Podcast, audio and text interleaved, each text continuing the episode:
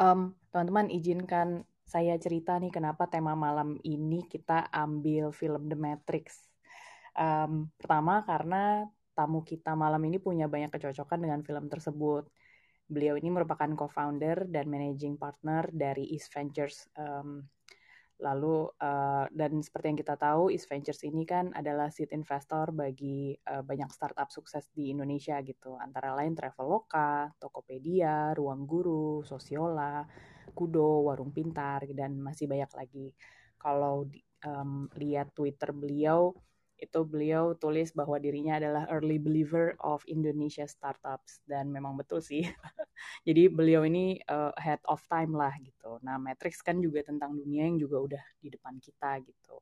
Jadi nggak salah kami uh, undang beliau ini di Titan series kelima ini gitu. Lalu um, teman-teman kemarin weekend sempat nonton nonton ulang nggak The Matrix kan? Soalnya kan The Matrix keempat udah mau keluar nih.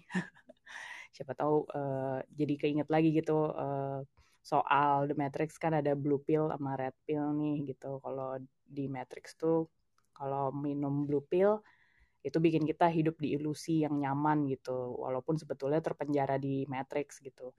Tapi kalau ambil red pill kita jadi tahu kebenarannya gitu. Dan kebenaran ini belum tentu manis, bisa juga pahit gitu. Nah, um, bintang tamu Titan malam ini itu kayak punya red pill gitu. Beliau bisa menilai baik buruknya startup apa adanya gitu. Terus masih ada kecocokan lainnya nih. Beliau ini kan tech guy kan. Jadi uh, binary itu udah mendarah daging lah gitu.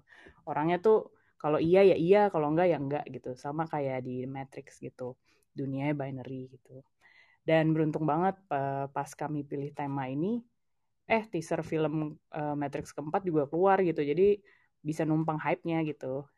Uh, nah, tanpa berlama-lama lagi, yuk mari saya undang dulu pembicara uh, pembicara malam ini. Selamat malam Pak Wilson. Oh, sebentar. Oh ya nih, sudah datang. Hai Pak Wilson. Halo, halo. Selamat malam. Selamat malam. Gimana? Malam semua. Selamat malam, selamat malam Wilson. Ya, Terima kasih malam, banyak. Pak Wilson. How was your day, Pak? Uh, busy nih, ya. Untung board meeting gue kelarnya cepet pas waktu tepat waktunya. Thank you ya Pak udah menyempatkan waktu mampir ke sini. Hmm. Ya nggak apa-apa. Seneng Karena... ketemu sama teman-teman baru. Ini teman-teman yang yang enggak biasanya nih semuanya orang-orang public market. Iya. Yeah. Iya, yeah, kebanyakan orang public market ya. Yeah. Ini dunia yang gue sama sekali nggak ngerti. You're you're too humble, Bro Wilson.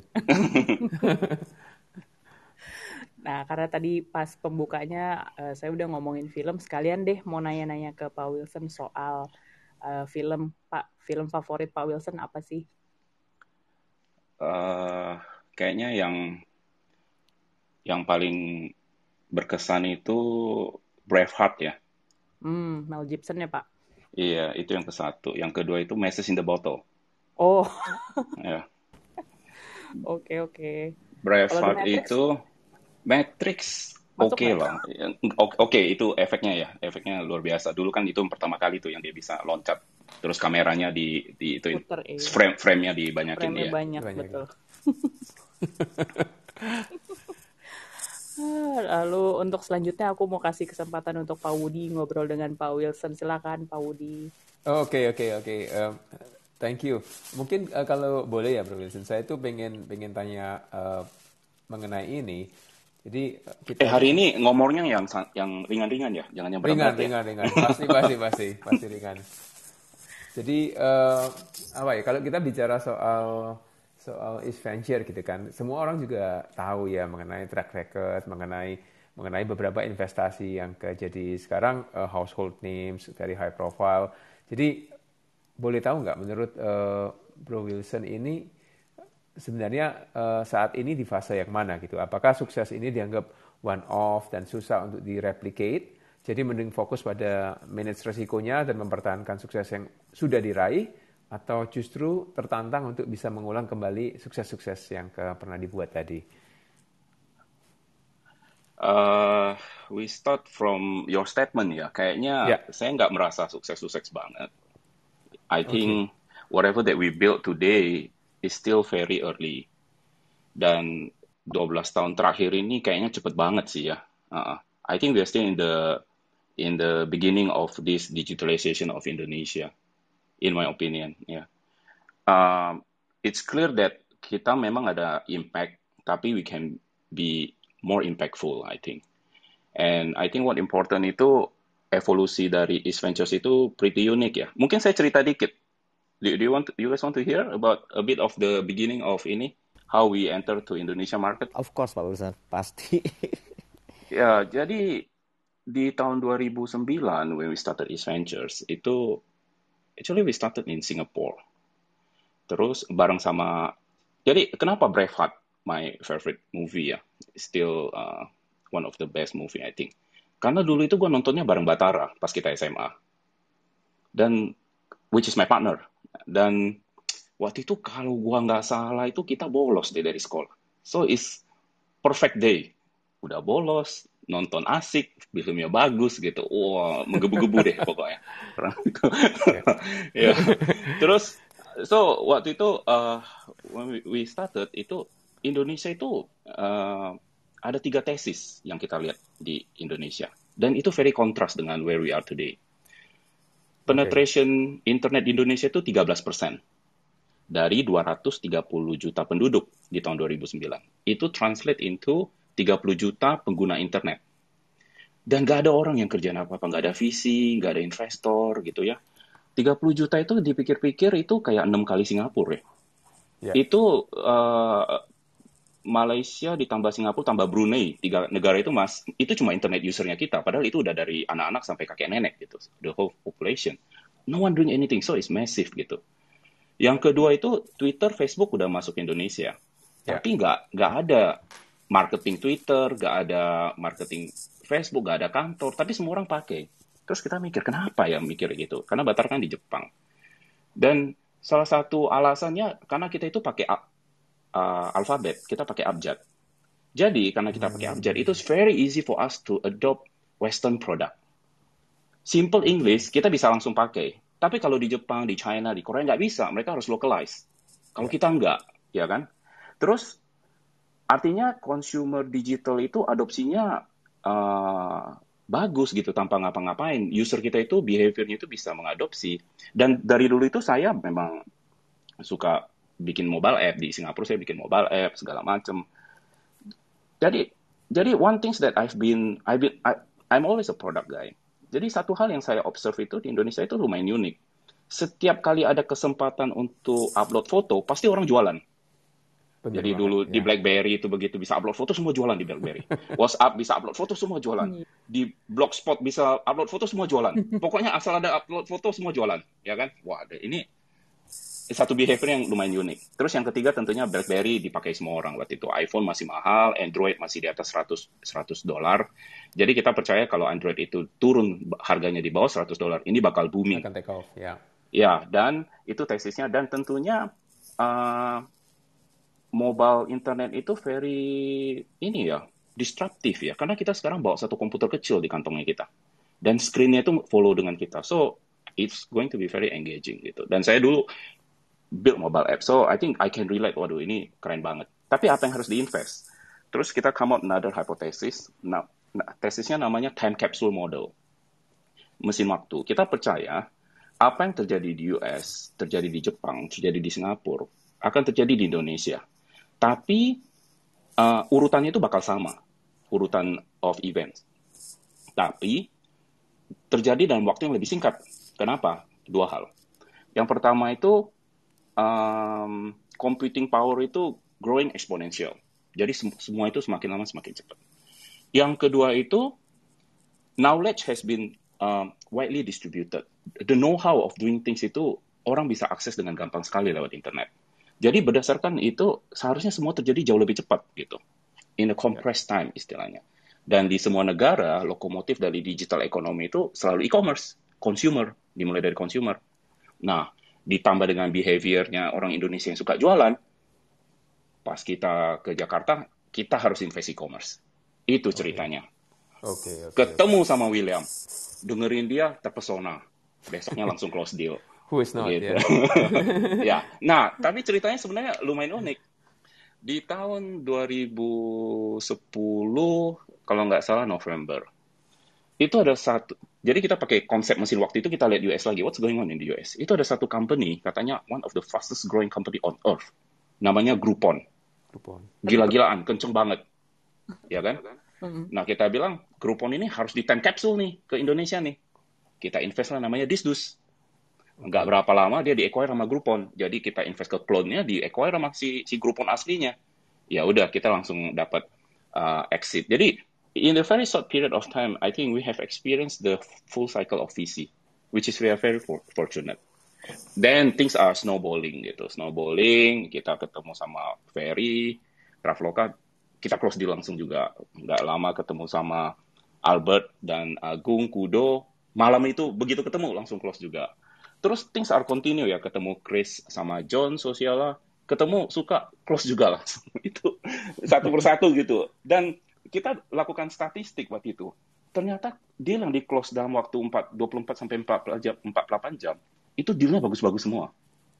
Jadi di awal itu kan tentunya sebagai visi, visi itu sebenarnya venture capital itu bukan perang kapital sebenarnya. Venture capital itu perang tesis. Okay. Nah, jadi kita harus adu-adu tesis nih, tesis siapa yang paling benar. Jadi awalnya kita bilang untuk untuk uh, melakukan assessment produk itu kita keluarin framework namanya 3P. 3P. Pertama itu people, timnya. Yang kedua itu produk. Terus yang ketiga itu potential market.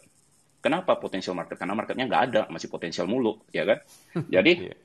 kita akses itu, tapi setelah dilihat perjalanan East Ventures itu, pengalaman pribadi itu kayaknya produk sebenarnya nggak penting-penting banget gitu loh. Kenapa? Karena kalau lu invest ke tim yang baik, yang bagus, a good team will ya. will build a good product. Yeah. And then the a good team build a good product to address a big market. Jadi sebenarnya yang penting itu cuma dua sebenarnya. 2P. Satu itu people, yang kedua itu marketnya. Kenapa? Karena kalau a good guy uh, addressing a small market, mereka itu wasting time. Karena dia pinter kan, dia jago, tapi marketnya kekecilan, dia bakal kayak di kolom yang kecil. Tapi kalau a good team, di A team, itu addressing a very big market, there is the opportunity. Dan di situ uh, exciting uh, company bakal dibuild. Nah, jadi berdasarkan teori itu, ya udah kalau gitu tupi kalau produk nggak penting dan hanya market dan people, gue pikir-pikir ngapain juga gue dengerin pitch deck. I go to certain extreme lagi, another spectrum. Kalau gitu, pas nge-pitch nggak pakai deck, lu cerita aja langsung. Karena what okay. I what important to me is only the guy and the market. The market gue kira-kira bisa raba-raba lah. Yeah. Jadi tinggal tinggal tinggal assess the people sama marketnya kira-kira benar nggak orang ini bisa address the market. Ya, yeah. so that, that is the story of our ini ya, our our uh, seed fund awalnya. Kenapa seed fund? Karena mau invest growth juga nggak ada. Waktu itu kan masih kecil market Indonesia, semuanya seed doang, masih yeah. awal kan. Ya, jadi we have to take the leap of faith, percaya suatu hari something akan terjadi invest, eh ternyata sekarang internet penetration kita akhir tahun lalu akhir tahun lalu itu 74 persen dari 275 uh, juta penduduk kan. Jadi selama 12 tahun Indonesia itu grow dari uh, 230 ke 275. Setiap tahun itu ada sekitar 4 sampai 5 juta new baby. So actually we're creating one Singapore every year. Every year nah, yeah. ya dan sekarang internet usernya 200 juta, penetration 74 juta, which is I think very kontras ya dengan Dari waktu 30 dulu juta kita waktu, waktu. Iya, iya. Jadi probably invest, invest, Ventures itu the only VC yang experience the delta of uh, 170 million of internet users ya. Fair enough, ya. Yeah. Iya, dan kalau you have, want to experience this kind of uh, wave, big wave of internet users, I think you cannot do it in Southeast Asia anymore. Lo harus go all the way ke Pakistan, ke Nigeria. Yeah. Iya. Yeah. So that that's a bit of the story. Sampai akhirnya di 2017 kita bikin Grow Fund. Karena kita we want to support uh, more entrepreneurs ya yang kita sudah back dari seed fund. Ya. Yeah. This is actually very uh, interesting ya, terutama uh, saya tadi uh, so impressed ya waktu dibilang ke soal sukses. Karena saya jadi ingat apa yang pernah dibilang oleh Picasso bahwa success is dangerous. Kenapa dangerous? Karena orang mulai untuk copy oneself ya. Jadi it is actually even more dangerous than to copy others. Udah udah puas, udah nggak nggak nggak uh, nggak bergerak maju gitu ya. Jadi uh, I think uh, the the way you position yourself bahwa nggak mau lihat sebagai udah sukses. I think that is uh, incredible considering uh, what you have achieved. Dan uh, mungkin kalau boleh bicara soal ini ya, soal uh, uh, investi, karena tadi banyak bicara soal uh, investi. Jadi berdasarkan pengalaman, yang kira-kira bakal membuat the best entrepreneur itu apa ya? Apakah ex profesional yang karirnya udah established terus dia pengen ganti kuadran atau fresh grad atau seseorang yang di tengah-tengah mereka yang ada sedikit pengalaman tapi nggak terlalu gimana. So atau ini sama sekali bukan kriteria tiga hal ini? uh, uh, it is a classic uh, questions ya sebenarnya. Jadi setiap kali ditanyain itu apa sih sebenarnya the the kriteria untuk jadi entrepreneur. Jadi kamu harus bayangin pada saat saya invest ke uh, entrepreneur itu yeah. biasa close dealnya kan first meeting. Yeah. So the issue is how are you going to judge someone in the first meeting? Ya kan? And how how how does it work gitu? So the the biggest challenge di di saya itu adalah how can I replicate this kind of like skills or whatever it is to my colleague gitu. Gimana caranya biar tim saya itu cara berpikirnya bisa sama. So uh, I did a lot of uh, ini. Gue gue mikir banyak banget soal ini. Gimana ya caranya biar biar ini bisa lebih lebih systematic gitu. Then I come up with another thesis the three things very important as an entrepreneur. Oke. Okay. Pertama itu integrity. Integrity itu very very important. I think uh, semua ada tertulis ya yang seseorang yang memperhatikan hal-hal kecil, hal-hal kecil akan diberikan hal-hal besar. Jadi it is it is very clear that uh, attention to details dan paling penting itu kalau A bilang A, kalau B bilang B gitu. Jangan A bilangnya A1, A2 atau A pakai tapi gitu. A. That, that is the thing. Tapi yang paling penting itu integrity itu adalah you do something when nobody watching you. You do the right things when no one watching you. I think that's the key things about integrity. Orang yang integritas itu biasanya very very decisive karena dia tahu yang very binary, dia tahu yang mana yang benar, dia tahu yang mana yang salah. Gitu. Itu yang pertama. Yang kedua itu high level self awareness. Nah, kenapa ini penting? Self awareness itu sangat penting karena running a company itu kan kayak maraton. So, uh, running a company yang orangnya 50, 500, 5000, 50 ribu, itu beda sekali. The fact that CEO-nya itu harus grow with the company. Kalau enggak, the company will outgrow the, the, the management. Jadi, in order for you to able to scale yourself, you have to understand where you're starting from. You have to understand yourself dulu. Weakness lu apa? strength strengthnya lu apa kalau lu tahu kelebihannya lu what will, will you do multiplying that kelebihan itu kalau memang lu ada weakness what will you do uh, lu bisa belajar lebih cepat lebih banyak atau lu hire orang yang lebih pintar dari lu and that require a self awareness nah uh, jadi biasanya orang yang punya self awareness itu dia punya secondary traits. Orang itu humble biasanya. Ya, Dan dia tahu positioning dia di society. Karena ini kebalikannya ego ya. Hmm, Iya, kalau ego itu berarti nggak self-aware, terlalu percaya ya. diri kan, sampai nggak tahu positioning kan. Nah, ya. tapi yang paling penting itu juga, kalau lu belajar kitab perang Sunce, The Art of War, ya. there are ways to uh, win the war, right? Uh, know yourself, know your enemy, know your, enemy. know your battlefield, thousand wars, thousand win. Bener kan? Ya, yeah. jadi that, that's the second one. High level of self-awareness. Yang ketiga itu namanya paradoxical traits. Paradoxical traits itu di semua entrepreneur itu sebenarnya ada contradictive traits. Jadi seseorang itu dia itu visinya gede, dia itu very strong dengan apa yang dia mau, hatinya keras gitu. Tapi telinganya itu bisa dengerin, hatinya lembut. Jadi dia kayak kontradiktif nih orangnya. Kadang kelihatannya garang tapi lembut juga gitu. Dia mentorable, bisa dinasehatin gitu. Biasanya entrepreneur yang bagus itu dia itu generalis, dia ngerti banyak hal. Tapi kalau disuruh detail, dia bisa go very deep into certain vertical gitu untuk explain certain things.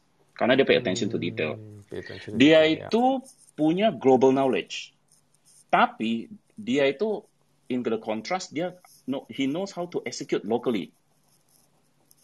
Jadi dia itu kayak Superman, kadang naik ke atas, kadang ke bawah, naik ke atas, kadang ke bawah.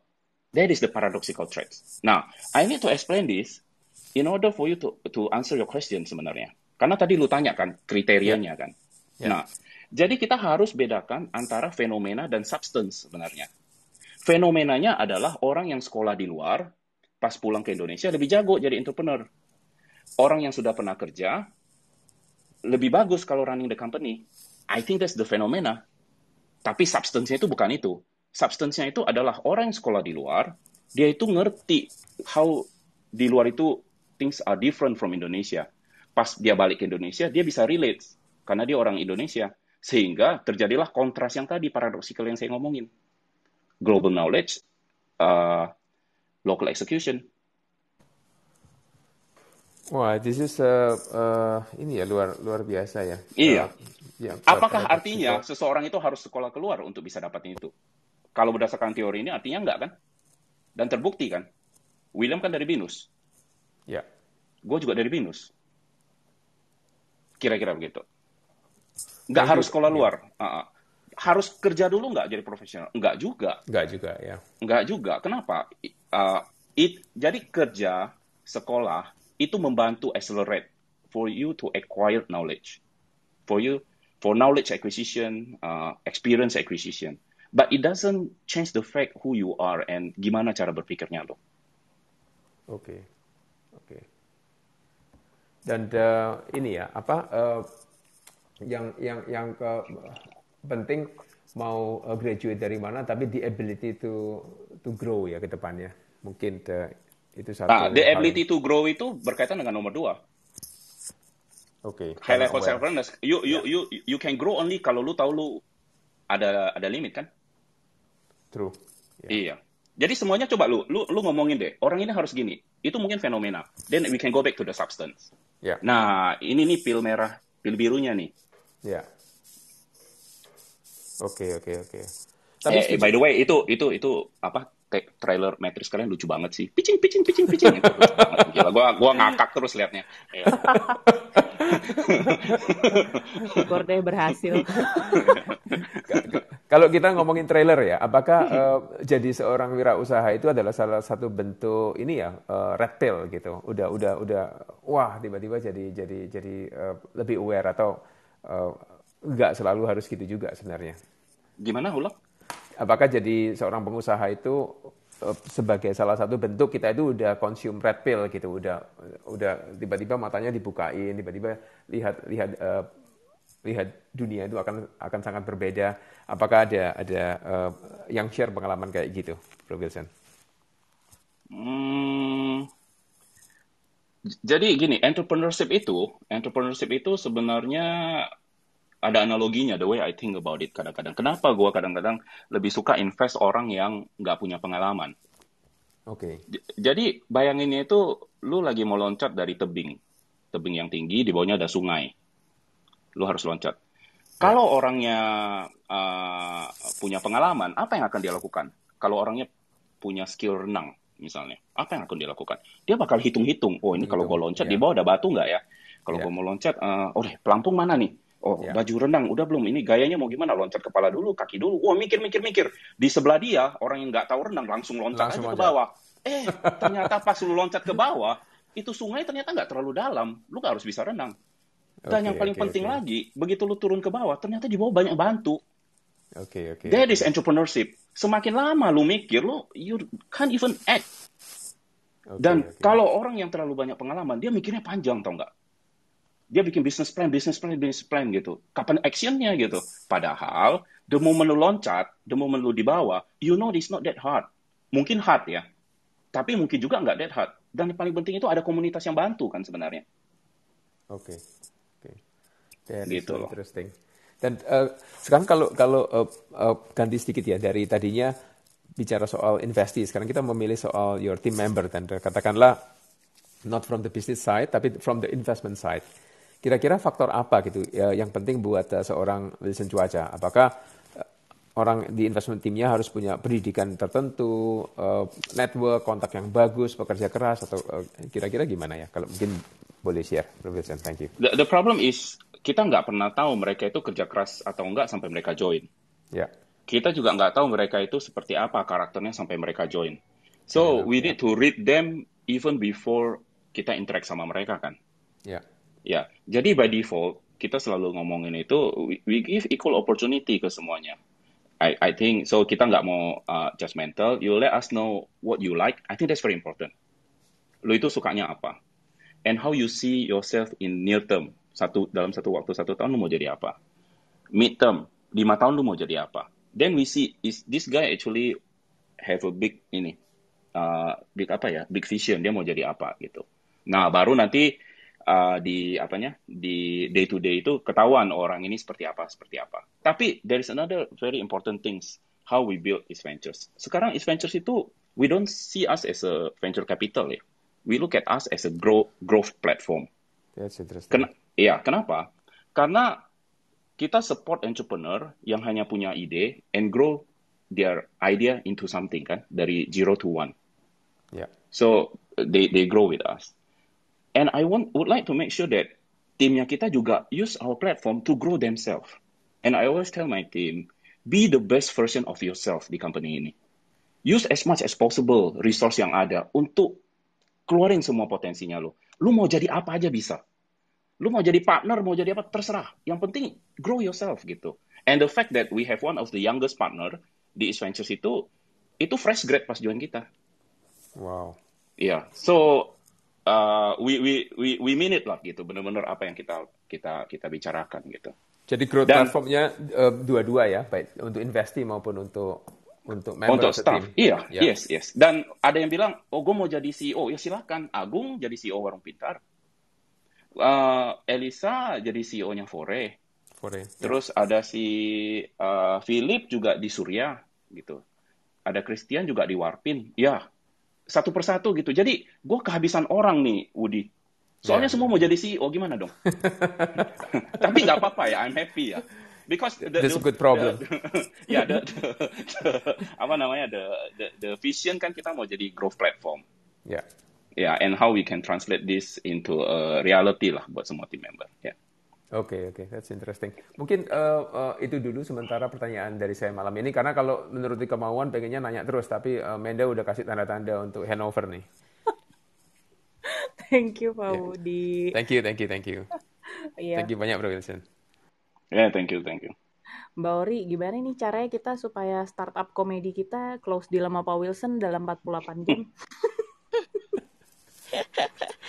Masih banyak nih yang pengen jadi CEO kita mau jadi apa Kamenda? Kita... Eh tapi tapi ada satu hal ya, nggak semua orang itu bisa jadi CEO. Betul. Iya, jadi uh, I'm big believer that uh, uh, ya itu memang udah jalan ada jalannya masing-masing. Jadi ada dua jenis entrepreneur sebenarnya. Ada entrepreneur yang uh, so so both both spectrum itu is well respected. Kita benar-benar respect semua entrepreneur seseorang uh, start their own business. Tapi ada yang very content. Jadi dia run the business as long as the business is good enough, it can make a living, uh, can taking care of the family, buying house, education untuk anaknya semuanya lengkap, dia oke. Okay. Tapi ada juga yang ambisius, yang semua ini nggak penting, tapi he want to solve one single problem and he want to solve it globally misalnya. Hmm. Yang yang jadi it is okay. Ini ada dua spektrum dan kita respect dua-duanya. Nah, yang cocok ke EV itu yang kedua tuh yeah. yang pengen grow cepat dan agresif gitu. Dan itu actually is not for everyone. Jadi itu it is okay that sometimes when we look at someone kita bilang kayaknya lu mungkin belum deh ah gitu. Oke. Okay, okay. Dan dan that, that is the fact gitu. Nothing you can prepare karena jalan hidup jalan hidup setiap orang itu beda-beda sih. Hmm. When you meet your investor actually jalan hidup lu itu yo so when you meet someone itu uh, apa titik di mana ketemunya itu adalah perucutan dari semua pengalaman hidup lu sampai ke titik itu tuh. Karena ada banyak kan core value yang dibangun, background background dari cara berpikir, mindset, mental model, segala macam itu mind apa di titik itu pada saat lu ketemu sama investor itu di situ di challenge kan sebenarnya. Nothing you can do about it gitu. True. But hmm. another another way to look at it ya sebenarnya kalau kalau uh, very content uh, easily bisa jadi, of course uh, I also have a respect untuk yang memilih uh, jalur ini. Tapi uh, another way to look at it, seperti punya kick ass job dengan a lot of liability ya sebenarnya kalau kita nggak nggak building our business, nggak grow. Gimana tuh maksudnya? Maksudnya, uh, I think kita mau mau ada freedom kan untuk uh, untuk untuk uh, bisa bisa lakukan sesuatu yang kita very passionate about. Tapi kalau kita nggak bangun tim, nggak bangun bisnis, akhirnya kita ya mau nggak mau nggak bisa ke mana-mana juga gitu. Uh, kalau perlu tujuh hari harus harus di bisnis kita. Dan I think in a way that is very challenging karena liability-nya sama aja dengan mereka yang growing the business, uh, tapi freedom-nya kita nggak dapat.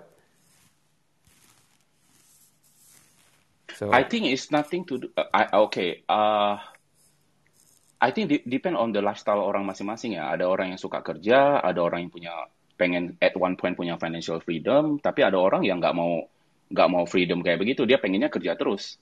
Kan tergantung passionnya masing-masing. Ya, ya. Gitu bukan? Ya, ya. Fair enough ya. Ya. ya, tapi yang paling penting itu you want to be the best version of yourself. And true. everybody have different version. True, true, true. And dan semua kerjaan itu I think is valuable kan. Yeah. Uh, tapi kan relatif terhadap orang yang berbeda-beda. Tapi I think in general semuanya sih ada value-nya gitu loh. Of course. Uh, yeah. Tapi yang paling penting itu adalah uh, where you are. Makanya self awareness itu penting. What actually you have, and what is your the purpose of your life? Kenapa lu dikasih talenta seperti ini? Are you going to just uh, throw it away, or you want lu pengen gali and and make impact misalnya? Oke. Okay everybody kan itu. Tapi ada juga orang pengen ambisius tapi nggak punya kemampuan mau gimana juga. Gitu. Jadi jadi I think it's really it's really about understanding yourself in my opinion. Oke. Okay.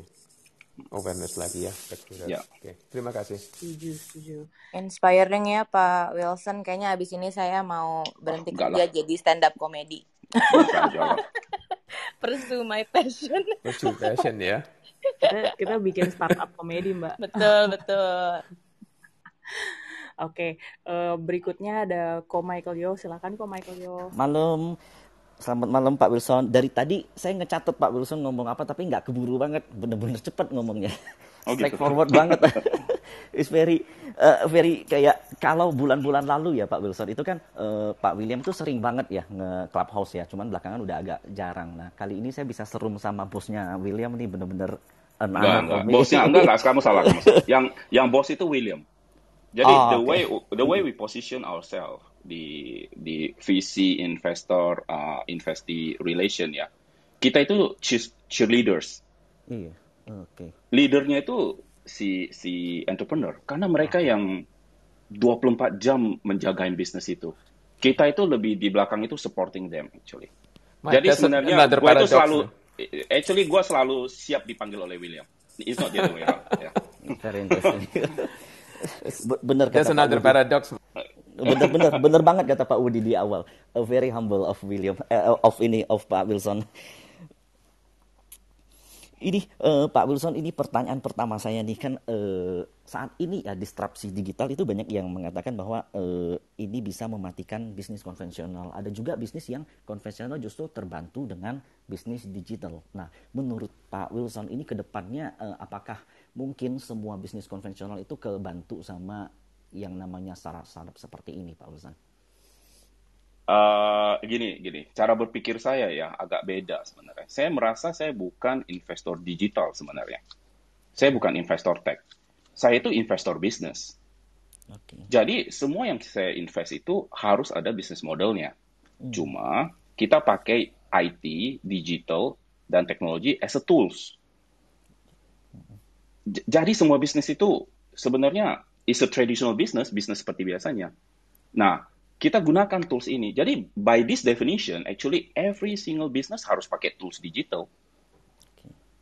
Ya, nah sekarang yang tadi pertanyaan kamu ini dengan digital transformasi ini apa nih yang akan terjadi? Artinya kalau based, based on that definition, semua orang itu harus mengadopsi dong. Jadi kalau kamu nggak adopsi, kamu bakal ketinggalan. Kenapa? Karena digital tools itu itu memberikan kamu level playing field. Artinya apa? Itu regardless bisnis kamu apa, begitu kamu adopsi uh, tools yang sama, digitalization yang sama, apakah kamu itu restoran pakai POS-nya pakai iPad, apakah pembayarannya pakai uh, e-wallet, hmm. atau kamu procurement-nya langsung pakai app, ya. Tapi kan itu membuat bisnis kamu itu tambah cepat dan kamu bisa melakukan transaksi lebih murah, lebih efisien. Jadi by that definition actually everybody have to use it gitu. Cuma di gara-gara krisis ini, gara-gara COVID ini, kan terjadi social distancing. Semuanya yang berkaitan dengan high touch business, yang banyak interaksi, itu kena tuh. Dan harus dengan cepat di-replace dengan low touch digital business. Semua yang dari awal situ sudah low touch, ma malah keakselerasi. Makanya semua digital industry gila-gilaan naik. Iya. Nah, jadi di awal kalau kamu perhatikan di awal krisis COVID ini itu ahli-ahli ekonomi itu kan banyak banget teori-teori mereka. Ada yang bilang recovery ekonomi ini bakal V katanya. Iya. Turun langsung naik. Habis itu berapa lama dia bilang, "Enggak deh, you deh, you. You yang agak panjang." gitu. Habis itu nggak berapa lama dia bilang, "W aja, W. Udah naik turun, naik turun lagi." Gitu. Nah, menurut saya itu nggak benar semua. Yang benar itu kita di K. Jadi semua yang high touch itu turun ke bawah. K yang kaki yang ke bawah semua yang low touch itu naik ke atas. Ya. Nah, sekarang gimana caranya kita bisa identifikasi mana yang naik, mana yang turun, dan gimana caranya orang yang naik itu bantu yang turun. Sehingga terjadilah akselerasi bersama gitu. Oh, very interesting case recovery. Jadi ada bisnis yang justru nggak mengadopsi hal digital, dia bakal ketinggal terus ya Pak Wilson. Ya, itu tugasnya dari orang yang ngerti digital untuk ngajarin harusnya. Hmm, hmm, hmm. Lalu seperti ini Pak Wilson, kami ini kan rata-rata tuh investor di market ya. Nah, mm -hmm. uh, bagi kami yang di posisi sebagai seorang retail, nah, how we identify that startup yang memang uh, ketika dia melakukan IPO, mungkin ini bukan ini uh, bukan dunianya Pak Wilson ya, karena kalau kami itu udah ke kebiasa ngelihat perusahaan yang IPO kan. Jadi bagaimana kami mengidentifikasi kayak uh, ini startup ini IPO cuma untuk ngambil duit investor atau Eh, they want to grow. Gitu. Emang emang ada yang gitu ya? Maybe some nggak nggak bisa dibilang sih. Tapi sebenarnya ya, sebenarnya cara kalau kalau kamu hmm. pikirin IPO hmm. dengan fundraising dari VC itu kan sama aja. Sama, Cuma yang satu private money, satu public, public money kan. Money, yeah. Nah, jadi harusnya cara assessmentnya sama sih. Kamu assess timnya, kamu assess potential marketnya, time-nya, addressable marketnya, kamu assess produknya. Perbedaan antara perbedaan antara early stage yang saya jelaskan di hmm. awal hmm. dengan growth stage another uh, fundnya kita yang khusus untuk mengakselerasi growth dari company dan mungkin di later stage yang sudah public bedanya itu maturity of the business dan maturity of the product. Jadi kalau semakin awal itu banyak banyak guessing-guessingnya dan itu fokus ke timnya karena execution tim yang penting. Yang di growth itu uh, inovasi dari business modelnya. Kalau yang udah IPO, hopefully ya kita bisa lihat sesuatu yang lebih matang. Tapi kan kalau di tech itu agak susah kadang-kadang. Karena belum matang pun bisa IPO kan. Yep, betul. ya, jadi jadi kayaknya cara assessnya harusnya sih mirip-mirip sih dengan cara assess VC ya. Oke. Okay. In my opinion. Iya. Yeah. Berarti seperti yang Pak Wilson tadi bilang, uh, the most important one is marketnya ada, terus people atau timnya it's good. Ya, Sisanya, habis itu lihat produknya, karena produknya produk. sekarang udah ada. Make sense oh. nggak oh. produknya gitu? Ah. Iya, karena ketika IPO pasti yang harus sudah ditawarkan produk produknya pasti mesti udah ada dulu. Iya. Uh, so the most the most important is people-nya dulu, marketnya baru produk. Iya dong. Oke. Okay. Iya, iya. Oke. Okay. Oke, okay, thank you Pak Wilson untuk kesempatannya. Uh, saya kembalikan ke Kak Menda nih. Uh, kok kok hmm jadi hmm. ya, pertanyaan satu lagi kok. Oh, oh iya. Sebenarnya ada, tapi sebenarnya udah kejawab sama Pak Wilson. Oh, udah ya. Oke, okay, ini saya mau tekankan lagi ya. Jadi, uh, jadi kalau dari awal pembicaraan dan meeting sebelumnya itu Pak Wilson kan uh, very straightforward dalam mengambil keputusan. Jadi ketemu hanya dalam waktu 24 jam juga udah bisa mutusin nih, oke, okay, this is uh, right gitu. Saya Sebenarnya pas ketemu dia duduk aja kira-kira udah tahu lah mau invest atau enggak. Wow. yeah. uh, but but uh, uh, yang menjadi pertanyaan saya itu you see the personnya atau produknya atau seperti apa Pak Wilson? But I see person ya kan, produknya kan gue nggak tahu. Iya, oh, dan gue okay. biasanya minta mereka jangan keluarin pitch deck-nya. Karena pitch deck itu kayak contekan Ya, Nanti dia ya. ikutin tuh dia baca semua yang diisinya dan dia itu bisa ingat kan semua gara-gara dia. Bener, iya. Bener, bener, bener. Jadi mendingan dia tutup laptopnya, dia cerita. Terus nanti gue tanya macam-macam yang nggak nggak nyambung gitu. Lihat dia nyambung atau enggak gitu. Ya. Berarti semacam vibrasi, cocok nggak vibrasi lah gitu ngelihat gimana dia nyampein sesuatu, matanya, cara bicaranya, visi dia gitu. Nah, gue kasih tahu lo. Setelah hmm. bertahun-tahun, gue baru sadar skills ini it's very localized. Ini hmm. cuma bisa jalan karena gue orang Indonesia dan gue bisa akses orang Indonesia. Begitu gue ke Thailand, orang di sana bilang swadika, gue bingung ini swadikanya orang baik atau gimana nih? Gue gak dapet spektrumnya. Oke, oke. Kalau orang Indonesia duduk kan dia cerita, oh gini-gini, ah gue kira-kira okay. udah bisa langsung di kepala itu kan ada bakat-bakatnya lu masuk ke basket ini masuk ke basket ini masuk gitu kan? Mm. invest nggak invest entrepreneur nggak entrepreneur engineer bukan engineer. Kan langsung kena tuh. Iya iya nah iya. begitu kita ke culture lain itu nggak bisa. Beda lagi. Karena nggak ada cultural context. This is very important cultural context. Mm. nah terus tapi kan gue udah banyak tesis nih ceritanya. Gue kan banyak teori nih. Suatu hari diundanglah gue ke India untuk jadi pembicara sama Tech Indonesia. Mereka buka cabang apa buka event di sana. Gue bilang gue ikut deh gitu gue jadi pembicara terus gue bilang wah gue punya tesis keren nih gue bilang gue ke India gue invest orang India on the spot gitu okay. bener hari itu gue invest dua company okay. pertama kali meeting gue pakai teori-teori integritas bla bla bla oke kayaknya oke okay. hajar invest dua-duanya KO loh jadi success success rate gue di Menarik. India itu zero persen iya okay. padahal tech, tech, tech, tech country di situ ya Gak ada hubungan sama tech ternyata kan. Uh, uh, Jadi itu membuktikan tesis ini is all about people. Oh wow interesting. Jadi the skills to knowing the people, the potential from people is very important juga sebagai investor. Itu untuk si stage, si, okay. stage ya. Growth stage cara berpikir yang lain lagi. Ya. Oke, okay. thank you, thank you, thank you Pak Wilson. Kamenda, aku kembaliin. Tapi kalau saya boleh jump in sedikit ya, yang uh, uh, saya rasa sangat menarik adalah fokus ke people, ke management. People, yang kadang-kadang uh, di di uh, public market kita suka kelupaan gitu. Kadang-kadang kita ketemu mm -hmm. analis uh, nggak ada discussion soal people atau manajemen sama sekali. So I think this is a, a good reminder. Thank you. Bener, GCG juga jarang banget dibicarain ya Pak Udi. Jarang, kalau yeah, jarang. Hmm. Hmm. Kalau udah bicara produk, bicara story ke depan, nah itu rame. Tapi kalau uh, GCG itu sekarang uh, udah hampir sering diabaikan. GCG itu apa ya? Uh, Good Corporate Governance. Governance. Ah, oke oke. Oke. Jadi mungkin, sorry sorry, gue nggak familiar dengan gitu. Dengan dengan uh, public market terms ya. I think uh, ini sih mungkin karena di public market uh, orang merasa oh uh, I can exit anytime gitu makanya oh, GCG ya udahlah nggak nggak nggak nggak usah terlalu dilihatin gitu asal marketnya promising. Iya asal... karena karena kita kan long term ya jadi when we Betul. put into something itu bisa berapa tahun tuh gila Tokopedia dari tahun 2010 sampai sekarang nggak exit exit berapa lama yeah. tuh 11 tahun. Hmm, ya. 11 ya. Hmm. Thank you thank you. Thank you.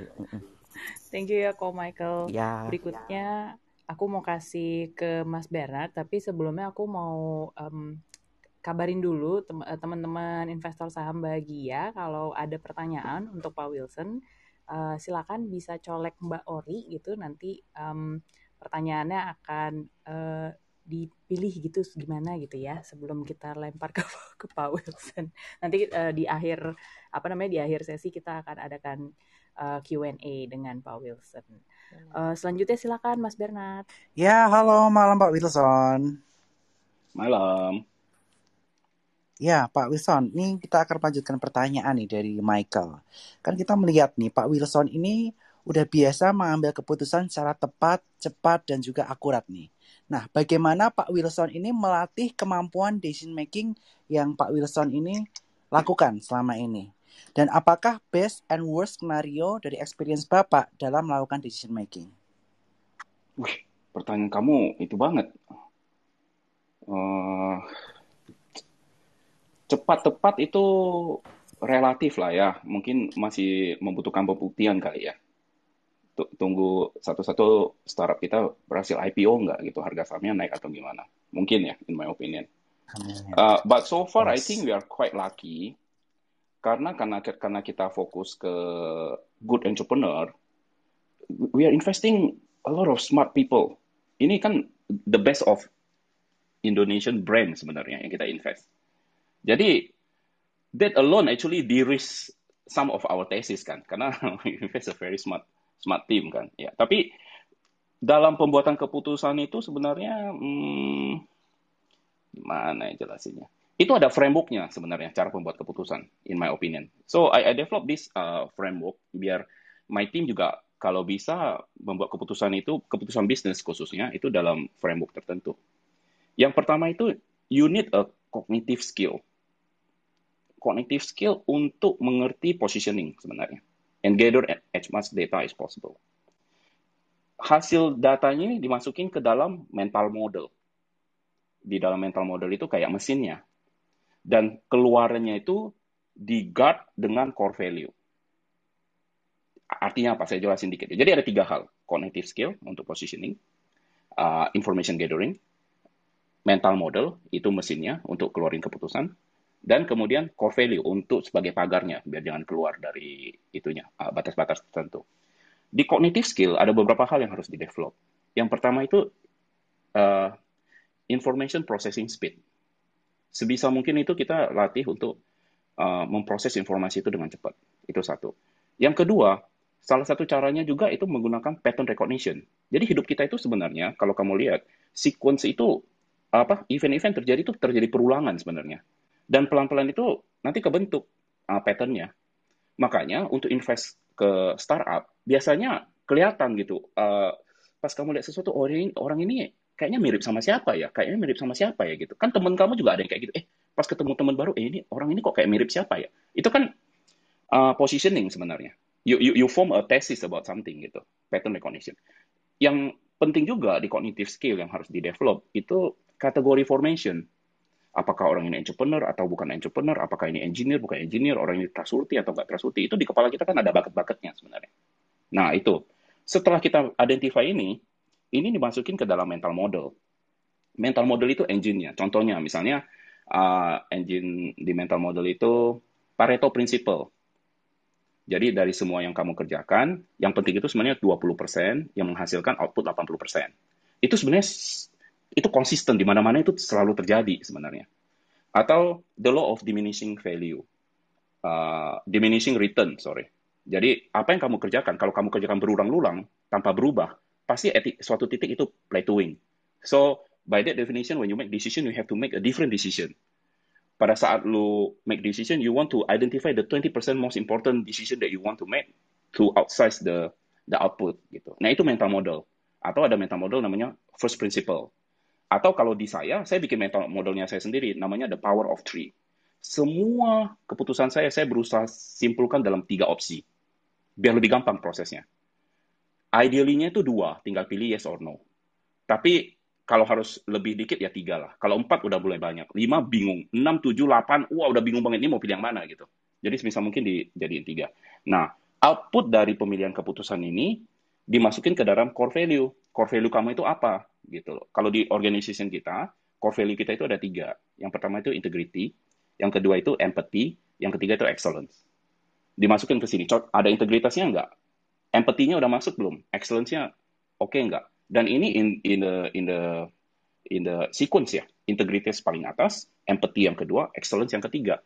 Jadi by this definition, pada saat kita buat keputusan, kalau itu bakal harm other people, nomor dua itu kena tuh. Kita nggak bakal execute.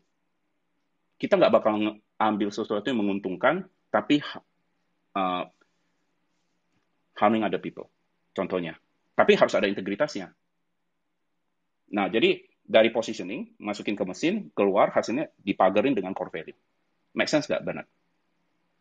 Wow, make sense, Pak. Oke, oke, oke. Jadi istilahnya kita harus pelajari yang pertension, patternnya seperti apa, baru nanti kita masukin ke core-nya, Pak, ya. Apakah sesuai dengan value-value dari company itu Itu terakhir, tidak, Pak, ya? masukin ya? ke mesinnya dulu. Yes. Oke. Okay. Ini mirip sama saham nih Pak. Kalau trader kita juga ngelihat namanya pattern juga nih. Teknika analisis, history repeat itself. Sampai kita ketemu pattern, oh ini saham yang kira-kira bakal naik nih. Gitu. Ya interesting. Okay. Do, do, you, do, do you attempt to to create your own uh, pattern, Bro Wilson, atau uh, uh, I'm happy with the pattern recognition selama saya bisa recognize dan saya bisa riding on it itu cukup gitu atau oh enggak, oh, enggak dong you you can't build pattern kan why why you want to build pattern oke okay. You you read pattern. Okay. Mm. That's interesting. Yeah, yes, that's good. Nah, nih nyambung nih Pak pertanyaan dengan pertanyaan yang pertama nih. Pertanyaan yang kedua ini kaitannya mengenai ketika startup itu atau perusahaan Pak Wilson nih, is venture ini berkembang dengan bertambahnya investment, investment size tentu saja seperti kita lihat is ventures member anggotanya bertambah ataupun perusahaan yang Bapak investasikan itu juga bertambah. Nah, bagaimana nih menurut Pak Wilson untuk mengatasi supaya dengan bertambahnya tim ini, culture tetap terjaga, namun KPI juga tetap terdeliver, Pak Wilson. Maksudnya apa nih? Uh, portfolio. Misalnya kita build company, company kita semakin besar, company kita semakin besar atau misalnya di East Ventures kan juga portfolio semakin besar, orang-orang kan makin banyak nih. Nah, kira-kira gimana supaya kalau portfolio, jadi ya saya ngerti. Kalau portfolio, portfolio itu kita sekarang kayaknya ada 200 lebih deh. Jadi itu banyak banget. Dan dan kita memang nggak terlalu ini ya. Kita memang dari awal kita nggak uh, hands on ya kita. Kenapa? Karena begini, menurut saya dari di awal-awal itu the, the way we operate itu kita bagi jadi tiga hal sebenarnya pada saat kita ngomong dengan entrepreneur. Uh, ada visi, ada strategi, ada tactical. Jadi maksudnya gimana? Visi itu contohnya dari Jakarta kita mau ke Singapura. Itu namanya visi. Kita ke depan itu mau ke mana tuh uh, in the future. Oke, okay, visinya kita harus align semuanya. Setuju ya, kita mau ke sana ya, ke Singapura ya. Oke, okay, setuju gitu. Sekarang kita develop strategi. Strateginya kita bilang, oke, okay, gimana caranya kita ke Singapura? Satu, jalan kaki. Jadi dari Jakarta ke Lampung, jalan ke Medan, nyebrang gitu ke Singapura satu cara. Kedua, nyetir oke nyetir lewat jalan lintas Sumatera misalnya muter agak ke sebelah ke sebelah barat gitu atau ketiga naik pesawat nah di situ East Ventures itu berusaha advice uh, kita nggak mau kita nggak mau ngatur entrepreneurnya itu you have to do this, you have to do that. Karena itu kan they, they are the one that running the business. Tapi kita bisa advice mereka things that you shouldn't do. Kenapa? Karena kalau kita bisa advice mereka, eh lu mendingan jalan-jalan kaki deh. Kalau jalan kaki itu lama banget loh, bisa tiga bulan kali baru sampai Singapura dari Jakarta. Atau lu jangan nyetir, nyetir itu mungkin bisa dua minggu. Mendingan naik pesawat aja gitu. Nah, the, the entrepreneur will decide, oke, okay, gue naik pesawat gitu. Nah, habis itu tactical. Kalau dia udah decide strateginya align, kita mau ke sana naik pesawat, tactical itu contohnya apa? Mau naik SQ, atau mau naik Garuda, atau mau naik Lion Air gitu. Nah, itu si entrepreneur harus decide sendiri karena kalau dia nggak bisa beli tiket pesawat, harusnya dia nggak bisa jadi CEO ya. Mendingan dia kerja aja sama orang lain, kira-kira gitu. Jadi based on that definition, sebenarnya kerja kita itu lebih ringan. Karena visi kita sudah align, kita cuma advice ke strategi, tactical ya memang harus dikerjakan oleh entrepreneur kan. Agree. Oke, jadi tugasnya visi itu lebih ke arah kemudian yang kedua bukan bukan itu itu gayanya kita enggak enggak enggak itu gayanya kita oke okay different visi have different style. Ada visi yang bilang, oh lu jangan, lu pertama harus ke website www bla bla bla bla bla. Habis itu lu klik ini, lu klik ini, lu klik ini, lu beli pakai kredit card ini ya. Nah, ada visi juga yang kayak gitu. Oh, Oke, jadi ini is venture style ya Pak ya? Yes, benar. Oke. Karena kita ya, manage ya, ya. 200 company, kalau kita satu-satu kita ajarin cara beli tiket pesawat, mana ada waktu ngapa-ngapain? Agree Pak Wilson. Mm. Oke, nah ini kembali nih ke pertanyaan lanjutannya nih Pak. Kan tadi kan Bapak udah menjelaskan nih bahwa untuk masalah visi dan strategi kan kita kan istilahnya bisa ngasih uh, masukan lah kepada company kami tersebut. Tapi untuk tactical diserahkan kepada masing-masing company. Nah, dalam investasi yang diberikan oleh Venture nih kepada startup-startupnya, kriteria apa nih yang dinilai kepada founders atau CEO CEO-nya sehingga mereka ini dianggap layak untuk memimpin startup tersebut dan Ventures berkenan untuk memberikan funding kepada mereka. Wah, pusing gua. Panjang banget sih. Can you shorten dengan bahasa yang lebih simple? Gimana? Yes. Jadi intinya kan tadi kan udah dijelaskan nih, istilahnya proses uh, ke company-company-nya intinya kita you tactical sendiri nih. Nah, tapi gimana nih si East Ventures ini memberikan funding riset untuk kasih funding ke CEO tersebut, ke founder tersebut kriterianya seperti apa? Intinya seperti itu. Yang tadi, yang tiga tadi. Kriteria CEO dan founder yang layak untuk diberikan funding. Ya, yang tadi tiga itu, integritas, self-awareness, sama paradoxical-nya dia. Oke. Jadi baik lagi ke situ ya Pak Wilson ya. Yang tadi visi, strategi, dan tactical itu setelah kita invest.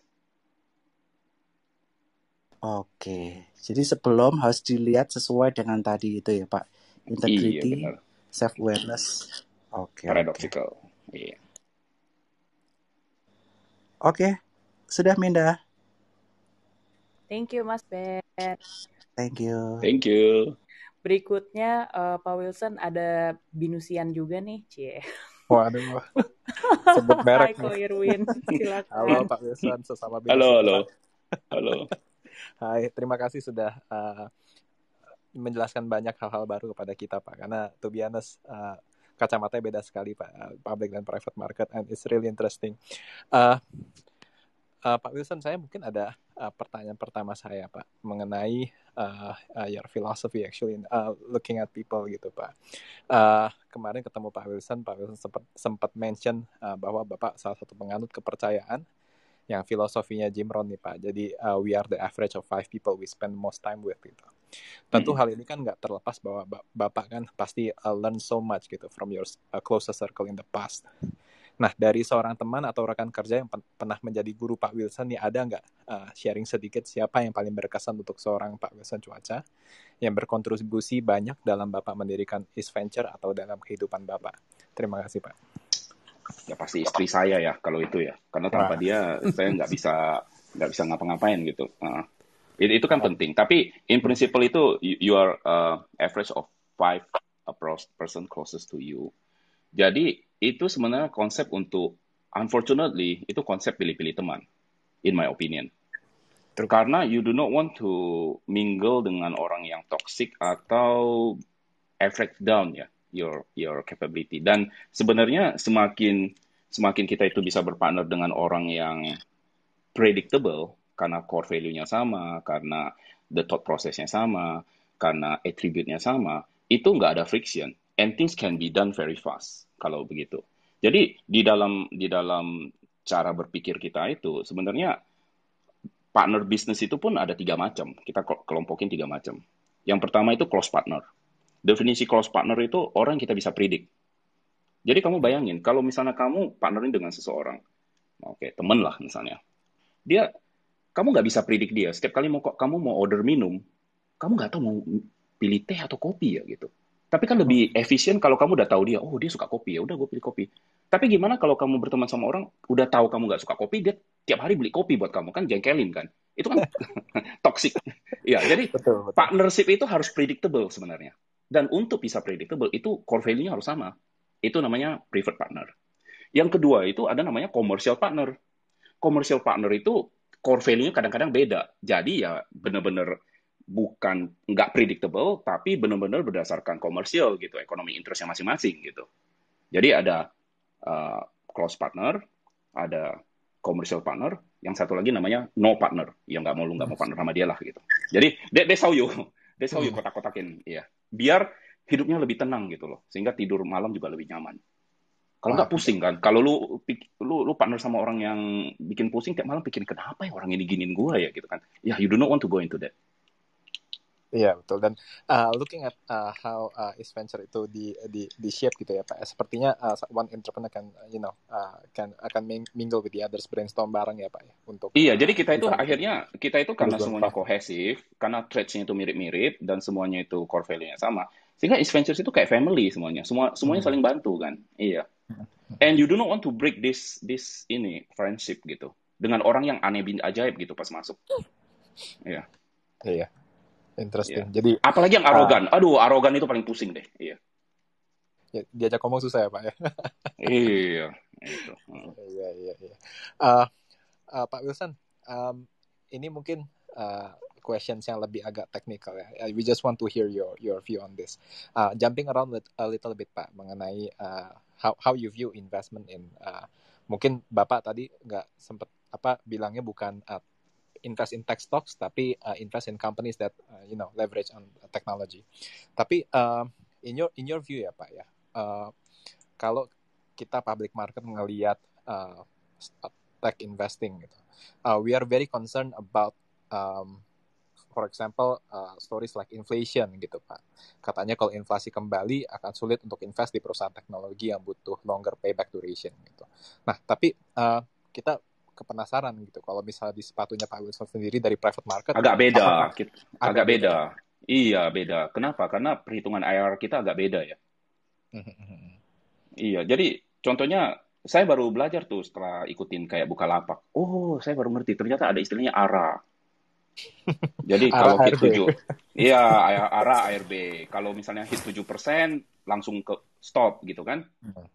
Nah, Dulu tiga, pikir-pikir, dulu wah, dua lima pak. Dulu 25, iya. Ini Dulu 7 25. persen saya mikir-pikir. Kalau ini dideploy ke kita ya, berdasarkan growth company kita, setiap Kamis siang itu saya udah nggak kerja. Kenapa? Karena Hmm. seminggu, karena growth growth standardnya kita di di startup itu kalau bisa itu 8% week by week. Jadi Oke. kalau Senin itu 2%, Selasa 2%, Rabu itu 2%, Kamis pagi 1%, Kamis sore gue udah nggak kerja, Kamis Jumat. Sorry, ini maksudnya uh, 8% every week dia harus ada growth uh, Iya. week gitu ya, week Iya, week. ya? karena kalau e- every Wow. week uh, every week week on week itu 8%, kira-kira sebulan ya mungkin 30% lah. Jadi setahun itu itu grow-nya multiplier-nya tinggi banget. Growth Hmm. stage-nya. Karena kan ini teknologi kan, you, you must be efficient kan, you building platform gitu. Hmm, hmm, hmm. Iya, jadi, jadi kayaknya matrix kita beda deh. I see. Um, Makanya ini- inflasi-inflasi itu kita nggak pernah hitung. Karena it's so small. Iya, iya, iya. Jadi nggak ngaruh sama sekali ya Pak, not at all ya Pak ya. ya, ada lah, ada lah. Mungkin nanti later stage lah. Kalau gue udah mulai belajar-belajar public, mungkin gue I have to look at it. Ya. I For now nggak nggak terlalu sih. I see, I see. Interesting. Uh, Pak, uh, what, one last question from me, Pak, uh, before uh, uh, saya harus uh, kasih kesempatan ke teman-teman yang lain. Uh, for me personally, uh, saya tuh nggak gitu ngerti uh, apa namanya, yang investment tren-tren baru lah, Pak. Semacam, uh, for example, yang very controversial, kayak crypto. Sebag, uh, how, how do you view uh, this crypto thing uh, in the next decade? Karena kalau kita public market, kan kita terbiasa sama Okay, cash I, I flow. don't know. I I do not want to comment specifically on crypto ya. Yeah. But I will comment on trend. Hmm. Jadi the way I look at trend itu, when things are obvious means you are too late. Jadi pada saat itu sudah jadi trend, sebenarnya lu udah terlambat tuh untuk kerjain itu. That's my opinion. Karena khususnya untuk kita di di teknologi, we have to be ahead of the trend. We kita yang create trendnya. Jadi itu ibaratnya kalau kamu mau selancar di laut, begitu ombaknya udah kelihatan, lu udah terlambat. Lu harus bisa baca anginnya dulu sebelum ombaknya datang. Um, That's our view on trend. Jadi apa yang Uh, kita invest di private market, kayaknya semua masih belum ke cover deh di di luar sih. I see, I see. Um, on on the on this whole uh, hype, uh, you don't have any comment ya Pak ya? Apakah ini wave-nya ini seperti apa ya? So for the longest time, crypto itu kan berusaha dijadiin uh, utility ya, Hmm. store of utility ya. Tapi sepertinya agak susah ya sampai sekarang masih belum kelihatan. Lebih ke store of value ya sekarang. Iya kelihatannya. Iya, Uh, iya. Semua orang trading untuk cari cuan di situ, tapi nggak tahu bisa store value or not. it's, it's just my humble view. I just uh, ya, gue juga nggak ngerti lah. Ya, NFT segala macam. I still try to scratch. Ini gimana ya logikanya ya? Iya. Gue nggak. Karena speaker kita sebelumnya juga lagi pelajarin Pak. So uh, Pak Pandu. So it's a really Hmm. interesting uh, thing to to ask you. Okay. Hmm. Uh, that's all from me, Pak Wilson. Thank you so much. Um, Hmm. Saya kembalikan ke Thank you. bisa dapat kesempatan. Thank you so much, Pak Wilson. Siap, thank you Kak Irwin. Um, untuk berikutnya ada Ko Jason nih. Hai Ko Jason. Ya, halo malam Mengga. Selamat malam Pak Silakan, Wilson. Makasih banget silakan. Pak buat waktunya Thank you, buat thank uh, you. nanya ke Pak Wilson. Kan mungkin lagi Pak Wilson sempat sharing bahwa East Venture ini satu-satunya visi yang mungkin mengalami GLK pertumbuhan uh, pengguna internet yang yang paling drastis yang dari 30 juta sampai sekarang ke kisaran 20 juta. Jadi tapi kan sering kali sekarang kalau kita baca media, kita sering kali selalu uh, semacam dinarasikan bahwa Indonesia harus belajar dari negara lain, Indonesia Ah, enggak. Gue nggak setuju. Gue nggak Iya, setuju. makanya saya ingin tanya view-nya Ya, Bapak. Apakah sekarang gue kita bisa gua pernah. Oh, bisa dong. Gue pernah berantem sama Gantian orang. gitu. Gue pernah berantem sama orang. Jadi di Singapura itu suka itu banyak meeting-meeting kan. Oh, uh, someone dari mana gitu datang, uh, non profit atau segala macam. Terus ada yang bilang ke gue, oh, I think mereka cerita gitu uh, tentang emerging market segala macam. Habis itu uh, dia bilang, I think the Indonesian startup must learn from us. Dia bilang gitu. Dia itu dari ke dari South inilah South America. Terus gue bilang, enggak. Gue bilang, gue nggak setuju. Gue bilang, satu, lu ada berapa unicorn? Gue ada berapa unicorn? Penduduk lu ada berapa? Penduduk gue ada berapa? Penetration internet lu berapa? Gue ada berapa? Startup lu ada berapa? Gue ada berapa? Gak bisa. Lu yang harus belajar dari gue. Udah, habis itu semuanya diem. Awkward, silent. Iya. Terus sebenarnya kalau dia mau argue, gue masih bisa ngomong lagi. menteri lu ada yang dari startup nggak? Kita ada loh menteri dari startup. Nadiem. Waduh. Gitu. Wah, kalau itu dia udah kalah pasti. Karena kita cuma satu-satunya di dunia yang kayak gitu kayak. Iya, iya. Jadi Bro setuju ya bahwa Indonesia itu juga bisa gak layak model. Iyalah. Kita itu gini-gini di Southeast Asia itu gak ada unicorn tanpa Indonesia. Karena we are the largest, the single largest homogeneous market di Indonesia. 2,1 triliun USD ekonomi di Southeast Asia, 1,1 triliun itu dari Indonesia.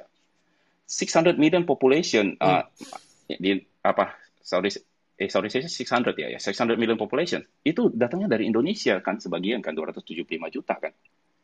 So whoever that win Indonesia is going to win Southeast Asia gitu. Dan Indonesia itu the largest archipelago in the world. Siapa pun, jadi masalah di Indonesia itu banyak banget siapa pun yang bisa solve problem di Indonesia, gua rasa itu bisa ke mana aja loh. Karena problem kita itu udah bejibun. Hmm. Seharusnya orang belajar dari kita kali. I'm, I'm Hmm. telling you something ya. Jadi Yeah. terakhir-terakhir terakhir ini kan, uh, jadi dari sisi East Ventures itu kita bukan cuma invest ke startup, kita selalu melihat bagaimana kita bridge antara capability yang kita sudah bangun dengan problem statement yang ada di lapangan. Jadi contohnya terakhir ini uh, di bulan Juli tuh gue ingat, uh, tiba-tiba kan COVID naik tinggi banget, ya kan? Terus kan hospital penuh dan oksigen jadi problem. Jadi kita uh, bikin gerakan namanya Indonesia Pasti Bisa yang kita udah mulai dari tahun lalu sebenarnya. Jadi di Indonesia itu tahun lalu itu problemnya very simple. Kita nggak punya PCR, semuanya rapid test itu di bulan Maret tahun lalu. Akhirnya kita lihat startupnya, startup dari kita itu ada satu startup yang uh, menggunakan teknologi microbiome detection.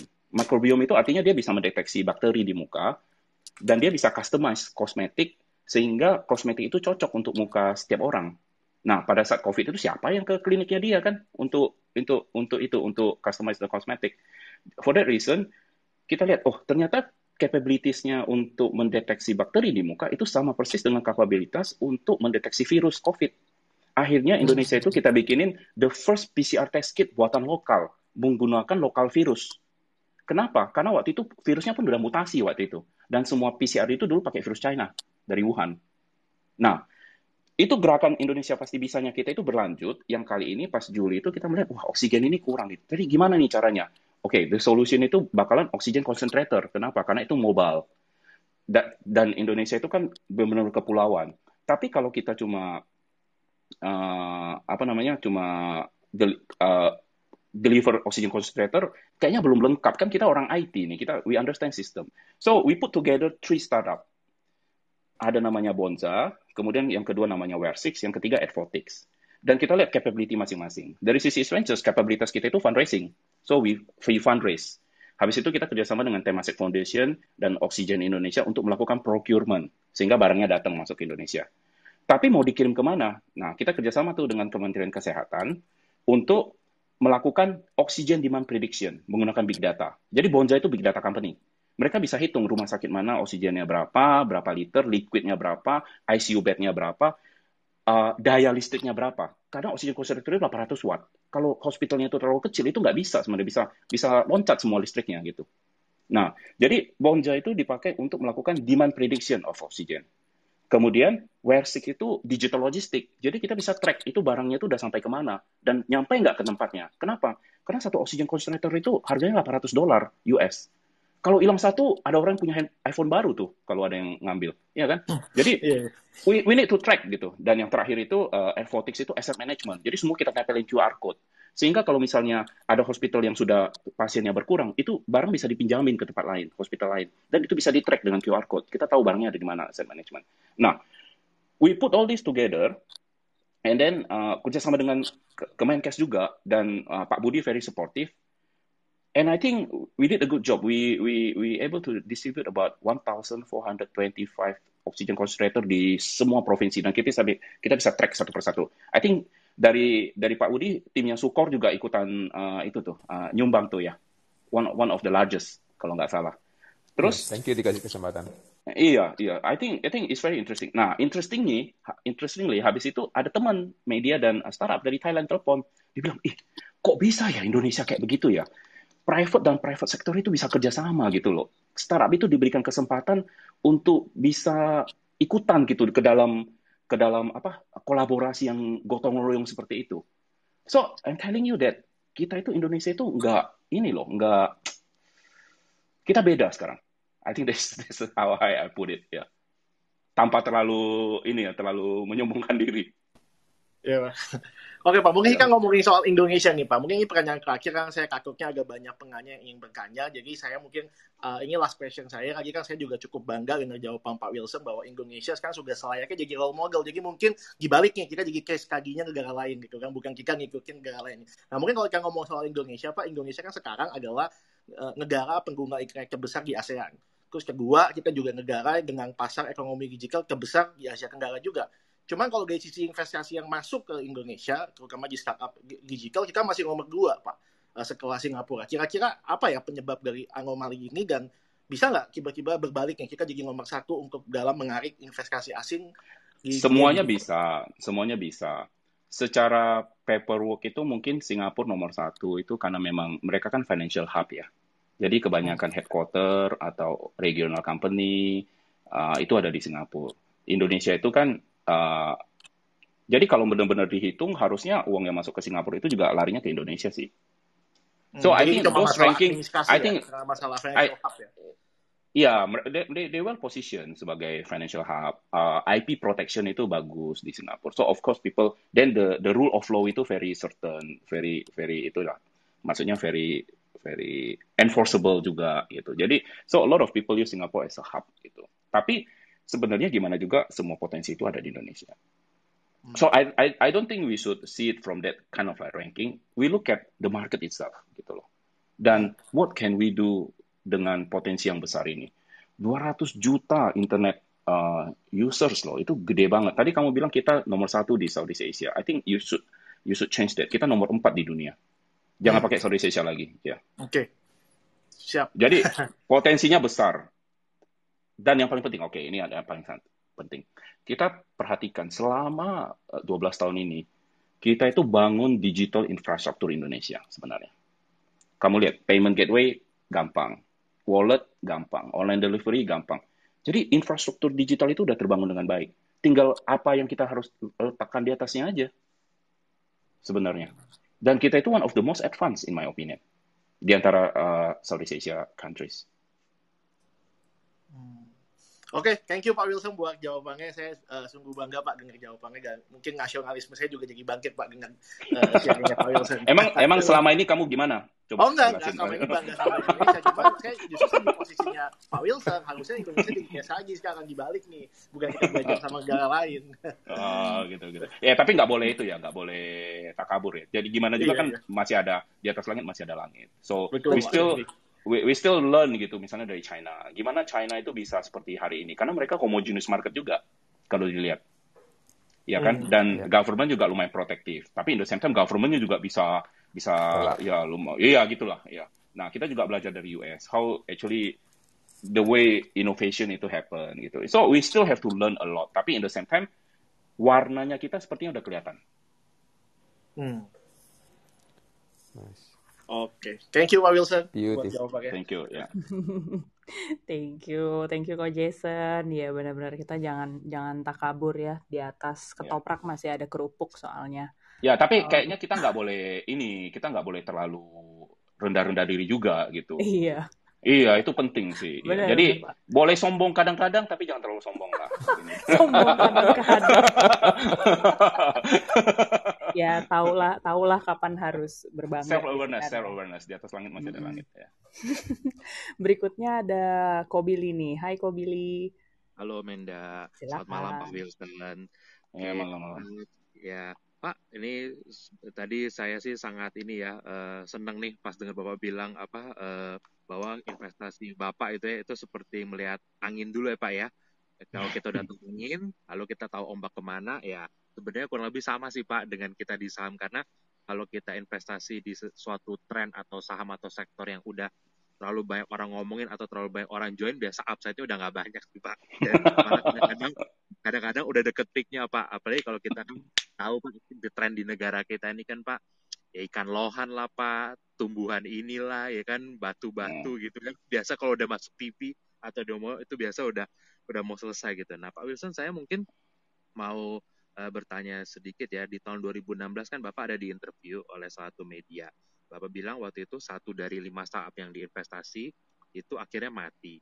Nah, mungkin saya mau tahu odds-nya sekarang gimana ya Pak di tahun 2020 ini dan biasanya yang mati itu penyebab utamanya apa Pak? Apakah biasa timnya punya problem execution, talentnya kurang baik, atau target marketnya itu uh, salah Pak? Iya. Yeah. Uh, jadi kalau berdasarkan seed investment di even di US di Silicon Valley itu kayaknya dari 10 itu cuma satu yang bertahan. Biasa survival rate itu sekitar uh, 10%. We are lucky enough karena we are very selective gitu uh, ke we focus on people. So far kita masih sekitar uh, 20% yang mati. 80% itu masih masih bertahan so far ya. What what what does it mean? Mungkin itu artinya kita kurang agresif loh maybe we have to take more risk gitu untuk invest lebih banyak biar mati lebih banyak. Hmm. Maybe, I don't know. Itu satu hal. Yang kedua itu uh, tadi kamu ngomong tentang apa ya tadi ya pertanyaan kamu? Ya, penyebab utamanya Pak biasanya mati. Oh, ada cuma dua biasanya. Yang pertama paling sering itu foundernya berantem. gak usah ngomong soal market, gak usah ngomong soal apa, berantem. Udah KO lah itu. Lu mau marketnya di mana, segede apa, produknya sebagus apa, udah udah kacau. Hmm. Yang kedua itu uh, the market is too early kadang-kadang. Jadi barang yang dia pakai itu, yang dia bangun itu nggak kena ke market, produk market fitnya, market fitnya nggak kena. Itu bisa too early atau dia itu bangun vitamin, bukan painkiller. Jadi perbedaan antara painkiller dan vitamin itu, kas, lu gue kasih analogi. Kalau lu disuruh beli vitamin C, hmm. it's nice to have, ya kan? Kalau ada oke, okay, kalau nggak ada oke okay juga, gue makan jeruk, gue makan, I can replace it easily gitu. Tapi pada saat lu sakit kepala, lu dikasih painkiller, berapapun harganya lu pasti bayar. Yeah. That is kind of like problem yang kita mau solve di di when we build a company. Hmm. Nah, jadi kadang-kadang kalau mereka bangun vitamin seakan-akan oke, okay, tapi sebenarnya nggak penting-penting banget gitu loh. Hmm. Itu penyebab keduanya. Tapi yang penyebab pertama selalu founder berantem. Oh, I see. Itulah kenapa kalau saya ada baca juga ya Pak ya di artikel-artikel mengenai pitch deck gitu ya, itu hmm. biasanya pada bilang deck yang benar-benar membuat investor tertarik ya visi itu hmm. biasa ada slide why now gitu kan ah, saya nggak tahu karena saya nggak pernah mau pakai deck itu visi lain bukan saya iya. Yeah. Nah, kalau saya baca di visi-visi, buat mereka timing itu penting, seperti yang Bapak bilang tadi ya, mau painkiller atau vitamin. Kalau your product is good, tapi itu bentuknya kayak vitamin, ya mungkin Enggak, uh, enggak, enggak, enggak, enggak, gitu. enggak, bukan, bukan. Jadi antara uh, painkiller dan vitamin itu itu bentuk produknya. Hmm. Yang tadi kamu bilang timing itu itu anginnya. Oke, okay. Oke. Okay. Ya, jadi harus ada anginnya dulu, terus ada ada painkillernya. Hmm, oke, okay, oke, okay, oke. Okay. So, seberapa serius problem yang mau di solve ya? Ya, ya, ya itu bentuk produknya. Kalau timing itu anginnya yang tadi itu baca itunya. Yes, uh. yes. Yeah. Oke, nah mungkin kalau ini kita lagi bahas kategori formation loh. Do you do you yeah. do you realize that? Ya. Yeah. Ya, ya, ya, ya, sure, sure. Nah, mungkin saya lanjut ya Pak ya, pertanyaan kedua. Ini kan kalau kita evaluasi saham ini kan lumayan banyak membuat orang ya, mungkin kalau untuk yang investor investasi terbiasa lah Pak ya, kalau kita ngomong misalnya yang uh, analis-analis yang konvensional atau kita bicara sama orang-orang ya yang mungkin jauh lah Pak ya dari perusahaan-perusahaan yang apa uh, new economy lah kalau orang bilang-bilang. Nah, ini rata-rata pada bilang valuasi perusahaan baru umur 1 2 tahun, 3 tahun kok udah jauh di atas perusahaan-perusahaan konvensional yang udah berdiri lama gitu kan dan udah ada labanya lagi gitu. Nah, menurut Pak Wilson sebenarnya fenomena seperti ini itu terjadi karena apa? Apakah karena mungkin kalau di startup itu valuasi di masa depan tuh langsung cepat dipricinkan atau misalnya dalam negara kita ya mungkin karena scarcity, potensi penduduk kita banyak atau seperti apa, Pak? Terus terang saya juga masih bingung-bingung sama valuasi. ya, terus terang ya. Tapi I think the I think you, Ya, tapi I think uh, the the way we look at company konvensional dan uh, digital company is a bit different karena scalingnya ya. Hmm. Di di company uh, tradisional itu kan semuanya linear. Jadi lu bisa ngitung yeah. break-even point-nya, things that you build gitu. Dan scale-nya kan tuh systematic gitu linear. Tapi kalau di company itu when you build platform, network effect kick in atau uh, uh, apa business model yang awal itu berubah. Mm-hmm the the hockey stick itu bisa terjadi kapan aja. And the business model itu nggak ada yang fix gitu. I, I give you example misalnya uh, marketplace. Hmm. Tokopedia. Pada saat Tokopedia didirikan, dua bulan setelah itu, kalau nggak salah, eBay itu masuk loh ke Indonesia di tahun 2010-2011. 2010 tepatnya. Ya. Dan fundingnya itu gede banget. Nggak berapa lama habis itu Rakuten masuk. Hmm. Nggak berapa lama setelah itu, I think Multiply masuk. Dia pindah dari Florida. Habis itu Lazada masuk. Satu persatu masuk. Tapi uh, semua orang itu uh, merasa kan they, they bring their experience kan and business model kan ke ke Indonesia kan. And something about Indonesian user behavior, especially merchant, siapa pun yang nge-charge merchantnya pasti mati duluan. Karena orang di sini nggak mau bayar. Orang ya. iya iya betul betul. Bener kan? Ya, jadi yang dari luar itu masuk dia bawa bisnis model dari tempatnya nggak jalan gitu. Tokopedia nggak free terus. Tapi how do you rationalize this gitu? Nah, artinya kan di Tokopedia itu di awal-awal itu the function of competition itu force dia itu untuk benar-benar bangun user base yang kualitas dulu. Hmm. Yang kalau ada orang datang bayar nggak bayar pun dia tetap bisa bertahan kan. Usernya nggak pindah ke tempat platform lain. So they focus on the user experience, merchant merchant uh, revenue, yang gitu-gitu, yang the the substance of their business. That take a lot of time actually to to to build and very costly. Makanya valuasi itu harus naik for that function. Dan untuk menahan laju dilusi terjadilah valuasi yang forward looking kan. How how you value this company gitu. Nah makanya di situ dia mulai tapi kita lihat juga uh, ujung dari uh, apa market ini kan gede sekali. Dan if you look at uh, Tokopedia today is not Tokopedia 10 tahun yang lalu. Mereka udah bisa apa? Ada fintechnya ada macam-macam semuanya di dalam ada logistiknya ada apanya gitu ya yeah. mm-hmm. and itu itu begitu lo berhasil bangun platform itu the user will stay and then they, they, you can build uh, more value within that platform gitu. Itu yang bikin uh, valuasi dari satu startup itu atau digital company agak beda dengan tradisional. Hmm, ya ya ya. Jadi understand consumer behavior juga penting ya pak ya. Kayak oh penting banget. Dicas sedikit langsung kabur gitu. Iya iya iya. Nggak, nggak gampang loh. Indonesia itu nggak gampang sebenarnya, iya. Dan betul, market education itu mahal sekali. Yeah. Gue masih ingat waktu itu, yang pertama kali educate market e-commerce itu sebenarnya Lazada. Hmm. Jadi tahun berapa itu? Mereka yang pertama keluarin TV ads. Wih, hmm. gila itu kita senang banget. Karena itu kan mahal. Tapi kan educate user. iya. ya cuma educate semuanya gitu ya. iya, nggak apa-apa. Iya. Karena kita kan fokusnya ke core-nya, biar usernya stay di platform kita. Iya, iya, iya. Ah, gitu ya. Betul, betul, betul. Nah, mungkin pertanyaan terakhir dari saya ini aja sih, Pak kan lima tahun terakhir nih Pak ya, kita sudah melihat nih valuasi uh, di sektor e-commerce, uh, travel, ride hailing, digital banks ini kan naiknya luar biasa ya. Dan sekarang kalau kita lihat juga kan kayak education, juga health ini health tech gitu kan mulai naik valuasi. Nah ini mungkin kalau Pak Wilson berkenan aja kan Pak Wilson bisa lihat ingin nih Pak. Menurut Pak Wilson ini kira-kira ya ini in general aja Pak ya startup di sektor apa sih Pak yang prospeknya ini mungkin masih belum terlalu rame nih orang ngomongin tapi is actually a hidden gem nih apa for future di Indonesia. E-commerce itu pun belum selesai loh sebenarnya, uh, Billy. Iya, itu masih evolve terus ya. Iya, jadi sebenarnya di Indonesia itu uh, value creation di digital economy ini masih belum ini masih belum kelar. Semuanya masih di, di, bisa di, digarap. Dan the fact that infrastruktur digital kita semakin lama semakin baik, sebenarnya ada opportunity untuk kerjaan apa saja itu besar sekali. Jadi saran saya itu kalau kamu punya ide apa, kamu gak usah nunggu, kamu eksekusi aja besok langsung. Hmm. Karena kamu gagal pun, kalau kamu gagal pun, kamu udah belajar sesuatu. Betul, betul, betul. Kalau kata orang, gagal lebih cepat, habisin jatah jatah sialnya lebih cepat juga, Pak. Jadi dikasih salah, gitu ya? tinggal beruntungnya iya, aja. Iya, Oke, okay. oke. Okay. Ya, Thank you, hmm. thank you, thank you Pak Wilson uh, jawabannya. Thank you. Wih, thank you Kak Billy. Oke, Pak Wilson, ini kita ini episode kali ini tuh um, spesial banget karena banyak penanya nih Pak, yang banyak yang banyak yang excited mau nanya ke Pak Wilson tapi katanya dititipin aja minta dibacain oleh aku dan Mbak Ori. Banyak banget ini Pak, sampai ada belasan cuma pas saya suruh naik semuanya pada malu katanya mau nitip aja. Izin ya Pak, aku bacain.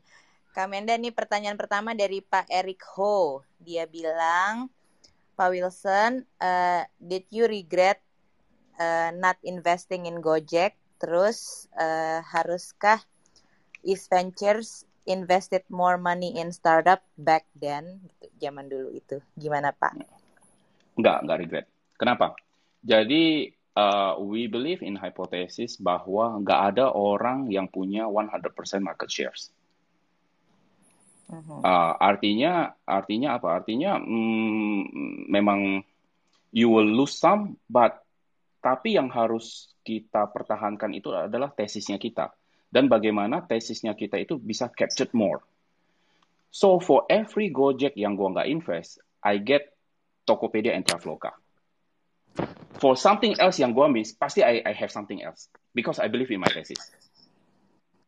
Oke, okay, oke. Okay, Dan there's no way that I can invest all the unicorns misalnya atau semuanya berhasil. Gak mungkin. Hmm. Gak ada yang kayak gitu. Tapi majority aja harusnya udah lumayan oke okay lah gitu loh. Oke, okay, oke. Okay. Betul, betul. Nah, ini uh, kebetulan ada satu nih yang udah berhasil naik Kak Paulus Jimmy. Uh, boleh langsung ditanya Kak Paulus? Malam Pak Wilson. Thank Halo, you malam. Pak, just one quick question aja sih Pak. Uh, misalnya nih Pak, uh, satu hari ada satu founder uh, dari sebuah startup dengan produk dan market yang too good to be missed gitu. Jadi kayak nggak ada, nggak ada too good to be missed. Ya, ah, okay. yang yang oke, okay, we we start with that point ya, ya, and then okay. ya yeah, continue, ya. Yeah. Oke, okay, uh, mungkin uh, kalau nggak good to be missed, uh, produknya sangat-sangat uh, menjanjikan lah. Let, let's say hmm. seperti itu ya Pak ya. Hmm. Tapi uh, orangnya nggak masuk dalam kriteria yang tadi Bapak sebutin. Integritasnya mungkin nggak masuk, value lainnya mungkin nggak yeah. masuk. Oke, okay, so, kita stop di situ. Kita stop di situ. Saya nggak bakal invest. Oh, oke. Okay. Uh, iya, karena saya pengen karena saya pengen tidur yang tenang kan. Hmm. Oh, oke. Okay. Yes, yes. Life yes, is too short ya. Dan dan core value kita very clear. Integrity pertama. Kedua empathy. Excellent terakhir. Economic economic value terakhir sebenarnya. Kita nggak terlalu peduli untuk nggak tahu nggak. Kita lebih penting integritas, we do no harm, baru kalau untung oke. Okay. Ngapain kita untung kalau we harm, harm other people? Ngapain yes. kita kita nggak harm other people, tapi integritasnya nggak terjaga? Nggak bisa. Harus integritas dulu, empathy, baru excellence. Oke, okay, oke. Okay. Terima kasih Pak. Jelas ya. Ya. Jadi gini loh. Jadi gini Paulus. Jadi banyak banyak ada yang produknya bagus banget, tapi kok kayaknya orangnya susah diomongin ya gitu ya atau ini orang ngomong benar atau enggak. Setiap kali dia ngomong sesuatu kayaknya gue harus telepon orang lain untuk tanya ini dia ngomong benar enggak sih gitu kan. Mungkin dia bisa jadi unicorn gitu. Ya, yeah, ya udah yeah, dia yeah. jadi unicorn aja nggak apa-apa. Yang pusing investor dia yang sekarang. Gue enggak, gue unicorn, gue punya unicorn dan gue hidupnya tenang gitu loh. Yeah, yeah. Bahagia. Kan ini topiknya apa? Topiknya investor saham bahagia. Investor ya, saham itu, bahagia. itu. Visi dan misi kita itu adalah jadi investor yang bahagia. Malam-malam ya, bisa tidur dengan tenang. Iya. Keren, keren Pak. Thank you, Pak Wilson. Thank you, Jimmy. Uh, Pak Wilson, selanjutnya ada pertanyaan dari Pak Henry juga nggak mau muncul malu katanya. Uh, kalau East Venture itu investnya apakah benar-benar karena bisnis model dan marketnya dan people-nya saja? Apakah ada end goal-nya? Misalnya uh, East Venture ingin mengkonekkan semua startup yang diinvest. Kalau ada kira-kira end goal-nya seperti apa? Ekosistemnya seperti apa? Ya tadi balik ke pertama, kita invest karena people ya. Definitely bukan karena business model, karena business model itu bisa berubah-ubah, tergantung dari behavior users kan. Mhm. Dan market itu penting, tapi bukan the most important one. Yang paling penting itu people, karena people itu bisa address the big market, mereka bisa pivot, bisa macam-macam. Yang kedua itu uh, apa tadi pertanyaannya? Tujuannya, uh, end goal, end goalnya apa? Ya, end goalnya. Apakah mau dikonekin semuanya? Oh, enggak, enggak, enggak connect connect itu cuma means-nya. Jadi cara kita cara kita connecting startup itu karena the way we look at the the ecosystem, kita pengen semua itu berkolaborasi sehingga lebih kohesif dan terjadi snowballing effect. Tapi the end goal-nya itu bukan connect-nya sendiri. Connect itu adalah caranya. End goal-nya itu sebenarnya saya pengen itu Indonesia jadi negara maju. Jadi for the longest time the platform East Ventures platform itu memberikan opportunity kepada entrepreneur-entrepreneur muda yang uh, diberikan level playing field karena regardless nama keluarga kamu, regardless education, regardless gender, regardless uh, agama, regardless suku dan sebagainya, yang penting you have ability to address build product based on certain problem statement, kita pasti invest. Oke. Okay. okay? Jadi pemerataan opportunity. Oke. Okay. Dan we think that as it goes sampai sekarang bertahun-tahun, pemerataan itu udah terjadi. Investor banyak dong. Sebenarnya yang pengen saya capai dalam waktu lebih mid term ya, bukan long term itu adalah gimana cara GDP per kapita Indonesia itu bisa hit 10 ribu sebenarnya.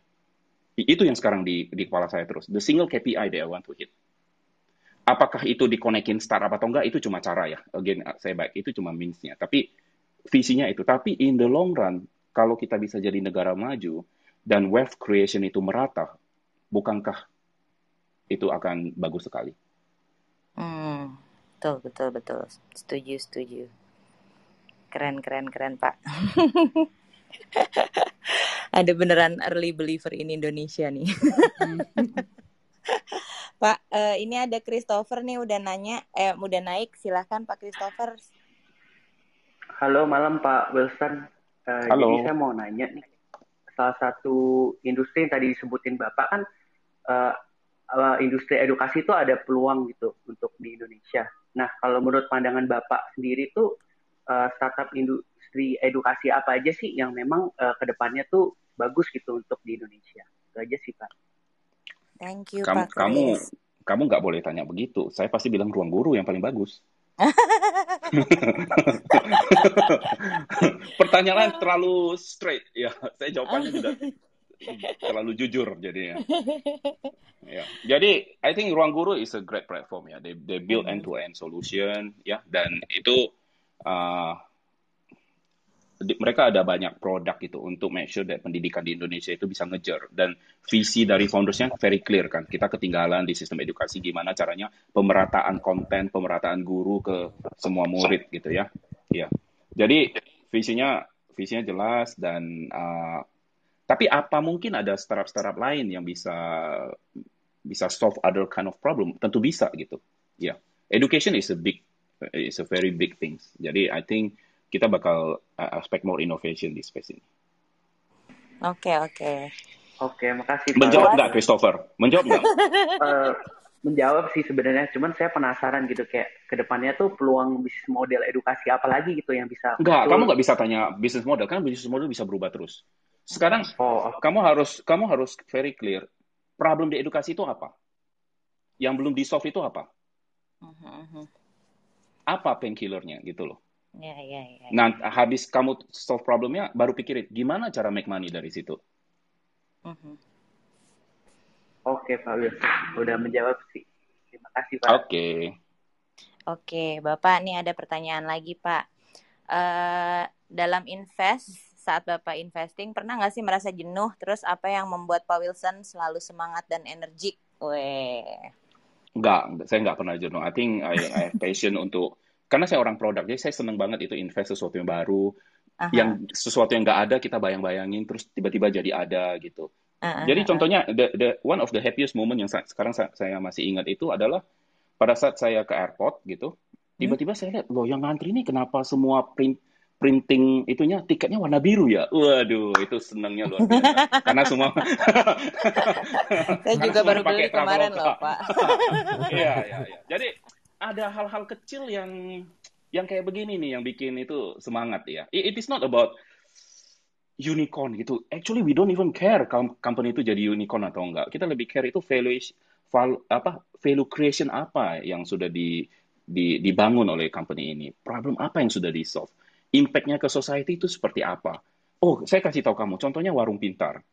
Warung pintar itu is very impactful. Jadi waktu itu ada satu bapak itu uh, istrinya hamil, tapi dia ini apa um, kayaknya di lay off ya, nggak dapat kerjaan gitu. Jadi akhirnya dia ke warung pintar dan warung pintar itu di awal-awalnya bisnis model warung pintar itu mereka kasih prefab warung, warungnya warna kuning itu dikasih bulat-bulat.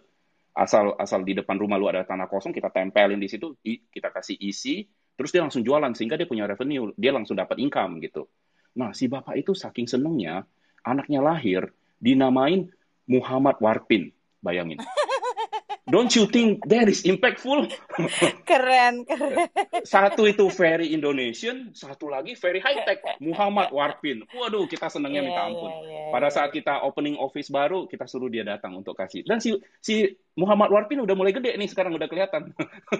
Ya, that, that is that is ya. itu yang bikin semangat setiap hari. Melebihi eh, cerita-cerita unicorn. Ya. Nih, Pak Wilson ternyata orangnya lucu banget nih aku. Sayang aku munculnya baru belakangan. Pak Wilson ada lagi. Eh, gimana sih proses diversifikasi di East Ventures? How do you how do you decide how much money you put in an investment? Yang banyak yang mana, yang dikit yang mana? Enggak, enggak ada. Hajar semua. Enggak ada di Oh. diversifikasi. Ya. Pokoknya kalau orangnya oke, Aha. uh, problem statement clear, Mhm. produk ya produk bisa diganti-ganti, market kayaknya oke udah sikat. Mhm. Oke, Ya. oke, oke. Keren, keren. Eh, aku ingat kemarin Bapak bilang apa? Spray and pray ya, Pak? Iya, itu itu istilah itu istilah inilah seed investor lah. Jadi ada istilahnya spray and pray karena kalau seed investment itu kan harus banyak gitu, spray and pray gitu. Tapi orang nggak tahu di Indonesia itu kita pray-nya lebih banyak dari spray-nya. Karena we never know kalau company ini bisa jadi atau enggak. Foundernya tiba-tiba berantem gitu. Lu tau nggak? Yang paling gua takut itu kalau tengah malam ada founder bilang, Son, gue boleh WA nggak? Waduh, gue udah kaget itu. Aduh, kenapa lu nggak bisa tunggu sampai besok? Pasti ada berita buruk gitu. itu selalu jantungan kalau udah jam 11 jam 12 son boleh call nggak aduh matilah ya Oke, oke, oke. habis itu berdoa langsung ya. Iya. Pak, selanjutnya nih ada Pak Ahmad nih, tadi mau nanya. Silahkan Pak Ahmad. Siap, terima kasih Mbak Ori, terima kasih kepada eh, founder-founder saham bahagia. Eh, Pak Wilson, saya Ahmad Pak. Saya eh, terima kasih banyak nih Pak buat Bapak, Bapak membakar nasionalisme saya nih malam ini nih bahwa oh gitu Indonesia sebelumnya nasionalisme kamu gimana ada kuat gitu. Cuman saya jadi lebih bangga lagi gitu ya. Eh, Oke. bahwa ya memang ya sudah saatnya kita kita fight back lah gitu ya. Nah, Oke. Saya punya pertanyaan gini Pak. Jadi eh, kalau kita lihat kan setiap negara itu eh, di negara-negara yang besar ya itu punya keunggulan sektor masing-masing ya. Misalkan Cina tuh kuat banget di manufakturnya ya. Amerika Benar, kuat di ya. sektor IT-nya ya. Salah satunya di IT. Nah, Indonesia di mana gitu nah iya Indonesia mungkin dalam 20 tahun ke depan apa sih yang bisa dikembangin Indonesia usah, dan bisa usah, di usah 20 Indonesia? tahun ke depan, nggak usah 20. Jadi Hmm, ini yang hmm. kita lakukan. Kita percaya ekonomi digital kita itu besar banget. Infrastruktur yang kita Hmm. sudah bangun itu bagus sekali ya. Walaupun Hmm. mungkin internet connection di sana sini masih kurang. Kita melihat ada student apa pelajar yang harus naik pohon untuk belajar. Hmm. Itu we we hope you can solve those kind of problem ya. Tapi Hmm. in general sebenarnya konektivitas kita itu bagus. Makanya kita punya Hmm. 200 juta penduduk yang menggunakan infrastruktur digital. Tapi Indonesia itu kalau dilihat walaupun kita homogeneous, sebenarnya nggak homogeneous banget. Dari Hmm. barat sampai ke timur itu beda banget. Ya, Dan ya, kita ya. nggak tahu, kita nggak tahu pemerataan digital itu seperti apa. Makanya sudah dua tahun berturut-turut Indo- uh, East Ventures itu mengeluarkan report yang namanya Indonesia Digital Competitiveness Index, di mana Hmm. semua provinsi itu kita petain. Yang kita petain itu kemampuan mereka melakukan digitalisasi, terus spending dari digitalnya, adopsi dari UMKM-nya terhadap digital. Kenapa kita harus petain semua ini? Sehingga kita tahu seber- semera- eh, bagaimana mencapai keadilan digital bagi seluruh rakyat Indonesia. Oke. Itu yang kita ingin capai. Satu. Kedua, oke. melalui spendingnya mereka, kita bisa tahu setiap daerah itu sebenarnya punya kemampuan yang berbeda-beda. Dan Oke. bagaimana, misalnya, misalnya contohnya, saya, saya, saya ini hypothetically speaking, saya benar-benar nggak Hmm. tahu. Misalnya di mana ya, misalnya di Cirebon, itu ternyata banyak banyak coklat misalnya, tanaman Hmm. coklat. Kenapa tanaman coklat ini nggak dimasukin ke supply chain digital? Dunia mungkin ya. Bukan dunia, cukup ke supply chain digital aja. Artinya dari mulai tracking petaninya sampai panennya, kemudian harganya fair ke petaninya, sustainable, semuanya dimasukin sistem digital sehingga uh, terjadi efisiensi kan. Di Iya, Jepara, di sana jagonya uh, itu misalnya kayu, furniture. Gimana caranya ini bisa masuk ke ekosistem digital juga? Jadi Hmm. ada dua hal yang kita lakukan. Kita lakukan mapping digital di seluruh Indonesia sehingga kita tahu di setiap daerah itu kekurangan digitalnya di mana dan kalau bisa company-company digital yang sudah besar itu membantu daerah yang kurang sehingga terjadi pemerataan. Kedua, kita berusaha tahu mereka itu kemampuan di daerah itu apa saja yang stand out di daerah itu dan kita harus multiply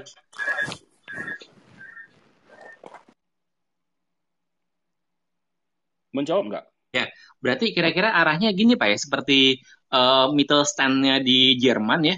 Jadi banyak perusahaan yang middle gitu ya, tapi jadi nomor satu di dunia gitu ya. Ya kalau tapi di ya, daerah. Kalau, hmm. Ya bisa aja, ya bisa aja. Hmm. Ya. Intinya hmm. gimana caranya uh, keunikan dari setiap daerah itu bisa kita digitalisasi. Kenapa? Karena hmm. digitalisasi itu kan bring down the entry barrier. Hmm. Itu memberi memberikan opportunity kan, ya. Hmm. Dan hmm. expose discoverability. Kenapa Tokopedia itu bisa jadi tempat destination site? Karena lu masuk Tokopedia ada apa aja, gitu loh. Yeah. Nah, dan digital itu kan memeratakan informasi sebenarnya. Jadi kalau semua setiap keunikan dari daerah itu bisa dimasukin ke digitalisasi sehingga itu tersebar di seluruh Indonesia informasinya dan mudah-mudahan ke dunia, I think every every place itu bakal jadi tempatnya unik dan uh, orang bisa bisa akses dengan gampang. Hmm, Kelebihan okay. dari tiap daerah. Ya. Jadi dan, saya nggak bisa menjawab very spesifik, tapi saya rasa hmm. yang saya berusaha kasih kamu gambar itu frameworknya berpikirnya kita seperti apa. Oke okay, oke. Okay. Dan dengan cara seperti itu kita bisa jadi apa ya? Lihat bisnis global yang bisa kita jadi dominasi di situ ya gitu Pak ya? Iya, karena karena misalnya contohnya kita invest ke satu startup namanya uh, Aruna. Dia itu membantu hmm. nelayan gimana bisa masuk ke global supply chain. Hmm. Dengan menggunakan sustainable sustainability apa uh, fishing gitu, responsible fishing gitu. Gimana caranya hasil alam dari laut itu benar-benar diberikan ke nelayan loh keuntungannya gitu loh. Nah, dari sana gimana nelayan bisa akses ke market global dan ini butuh digital. Oke, okay, oke. Okay. Iya. Oke. Okay. Itu contohnya, iya. Dan ikan kita kan banyak banget. Iya, benar, benar. Iya, begitu waktu itu terjadi apa moratorium lobster itu tiba-tiba mereka, oh lobsternya banyak banget yang bagus-bagus. Iya. iya, dan yang untung kan nelayan gitu. Betul. Hmm. Oke, siap siap. Oke Pak, terima kasih banyak Pak Wilson. Saya kebayang saya. Oke. Terima kasih Mas Ahmad.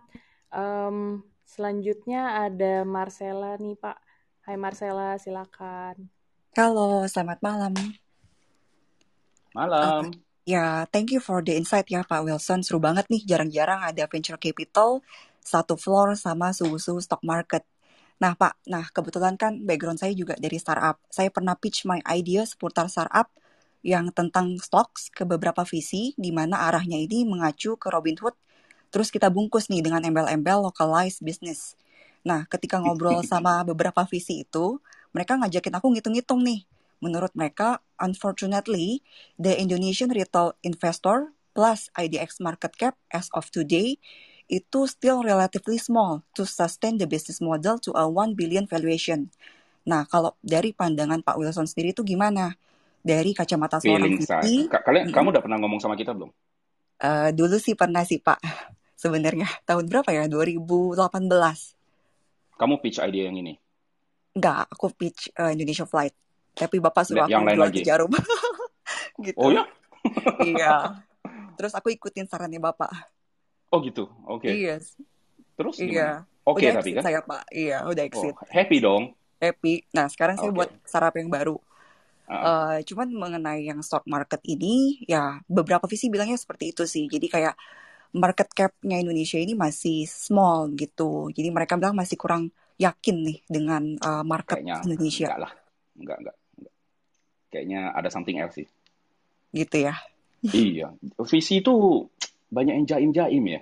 Oh gitu. Iya, dia mau reject kamu tapi nanti bisa muter-muter ngomongnya sesuatu yang nggak nyambung. Oke. Okay. Ya, tapi akhirnya kamu juga nggak dapat apa-apa. Oh, gitu. mm -hmm. Ini alasannya bener nggak ya? Tapi kayaknya ya gitu deh. Kalau kalau kita enggak ya, kalau kita kita oke okay, oke okay, enggak enggak gitu. Kita secepat mungkin. Karena, gitu ya Pak. Iya, karena kita enggak mau habisin waktu si founders ya. Okay. Kalau nggak bisa ya udah gitu kita langsung itu kita nggak mau PHP-in. Ya. Saya nggak tahu. Saya nggak tahu deh itu uh, kenapa alasannya. Tapi itu enggak karena kita invest di bibit, stock bit bibit. Oh, I see, I see. Ya, yeah, mm. and we think it's going growing very well. Yeah.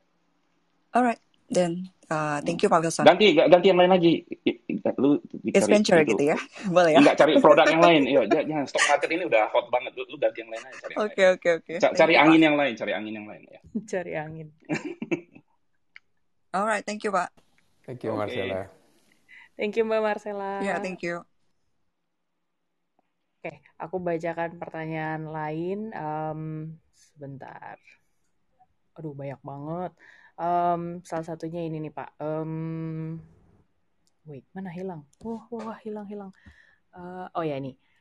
Halo, salam kenal. Oh ini dari Calvin dari Jakarta. Mau tanya uh, ke Pak Wilson, apakah EV uh, invest di startup yang menggunakan blockchain teknologi dan bagaimana Pak Wilson melihat uh, blockchain teknologi ini di masa mendatang? Tadi sebagai I think secara konsep itu uh, blockchain itu very interesting ya karena the, the way they decentralize everything. Tapi uh, execution dan juga uh, problem yang ingin di solve itu kadang-kadang agak dibuat-buat gitu. So we haven't really figure out gimana nih sebenarnya uh, benar-benar menggunakan blockchain itu dengan efektif bisa menyelesaikan problemnya. Hmm. Karena nggak semua, uh, some of solutionnya itu kayaknya terlalu kompleks. Padahal pakai database biasa bisa clear gitu. Hmm. Oke. Okay. Ini area baru yang kita juga sedang pelajari. Ya. Hmm. Oke okay, oke. Okay. Thank you Pak. Berikutnya ini kayaknya mungkin pertanyaan terakhir kali ya. Um, kita udah mau oh udah mau menuju jam 11. Um, sebentar.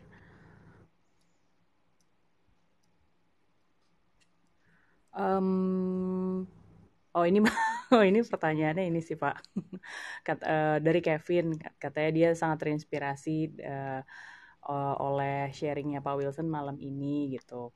Karena Bapak kan terbuka untuk anak muda yang mau belajar uh, dengan zero experience namun punya visi gitu kan. Um, terus um, pertanyaannya dia adalah bagaimana caranya kalau kita mau mengajukan diri untuk join sebagai timnya East Ventures gitu. Oh, di email aja langsung. Oh, email iya. langsung iya. ya. Email langsung, ceritain kamu mau ngapain, why you think, ya kamu sukanya apa, passionnya di mana gitu, ya apa yang sudah pernah kamu kerjain. Oke, tuh Kevin, silakan segera email ke East Ventures ya. Thank you Pak. Um, hmm. Oke, okay, um, sepertinya ini sudah kita sudah di penghujung acara nih teman-teman. Terima kasih banyak. Aku sebelum menutup ada pengumuman dulu. Hmm, minggu depan tanggal 21 September kita akan kedatangan tamu teman-teman dari Surabaya yang sukses merantau ke Jakarta untuk bekerja di industri pasar modal. Kayaknya nih cocok nih buat teman-teman yang mulai kepikiran untuk um, terjun ke dunia ini sebagai pelaku gitu. Uh, jadi stay tune ya, jangan lupa follow Instagram kami Investor Bahagia. Di situ nanti akan kami umumkan um, acara berikutnya ya, pastinya dengan tema-tema film yang nggak kalah lucunya lah gitu. Uh, sekali lagi terima kasih kepada Pak Wilson ya Pak, udah berbagi ilmu di sini, uh, sangat inspiring Pak, banyak banget yang uh, kami catat nih di sini, um, sangat apa ya bisa bisa dijadiin quote nih, kayaknya mau aku print dan pajang di kamar. well, well said, Menda. Yeah. sukses untuk EV ya Pak. Um, terus terima kasih juga untuk uh, para investor saham bahagia yang udah join malam ini. Um, semoga berbahagia ya setelah uh, keluar dari room ini dan juga terima kasih untuk para host, Pak Wudi, Mas Ben, Thank Ko you, Kak Menda. Ko Ko Jason, Ko, Ko Billy, dan Ko Irwin. Terima kasih banyak ya. Sampai ketemu minggu depan. Thanks Terima kasih, Pak Wilson. Terima kasih Pak Wilson. Ya, thank you semuanya. Thank you, Udi. Thank you. Thank you, thank you. Bahagia banget nih Bye. ketemu Pak Wilson. Bye semua. Dadah. Tidur yang bahagia ya. Tidur yang bahagia. Pasti. Tidur yang bahagia. Bye. Painkillernya jangan lupa Kamenda. Painkillernya. thank you semua. Yuk. Terima kasih. Thank you, thank you.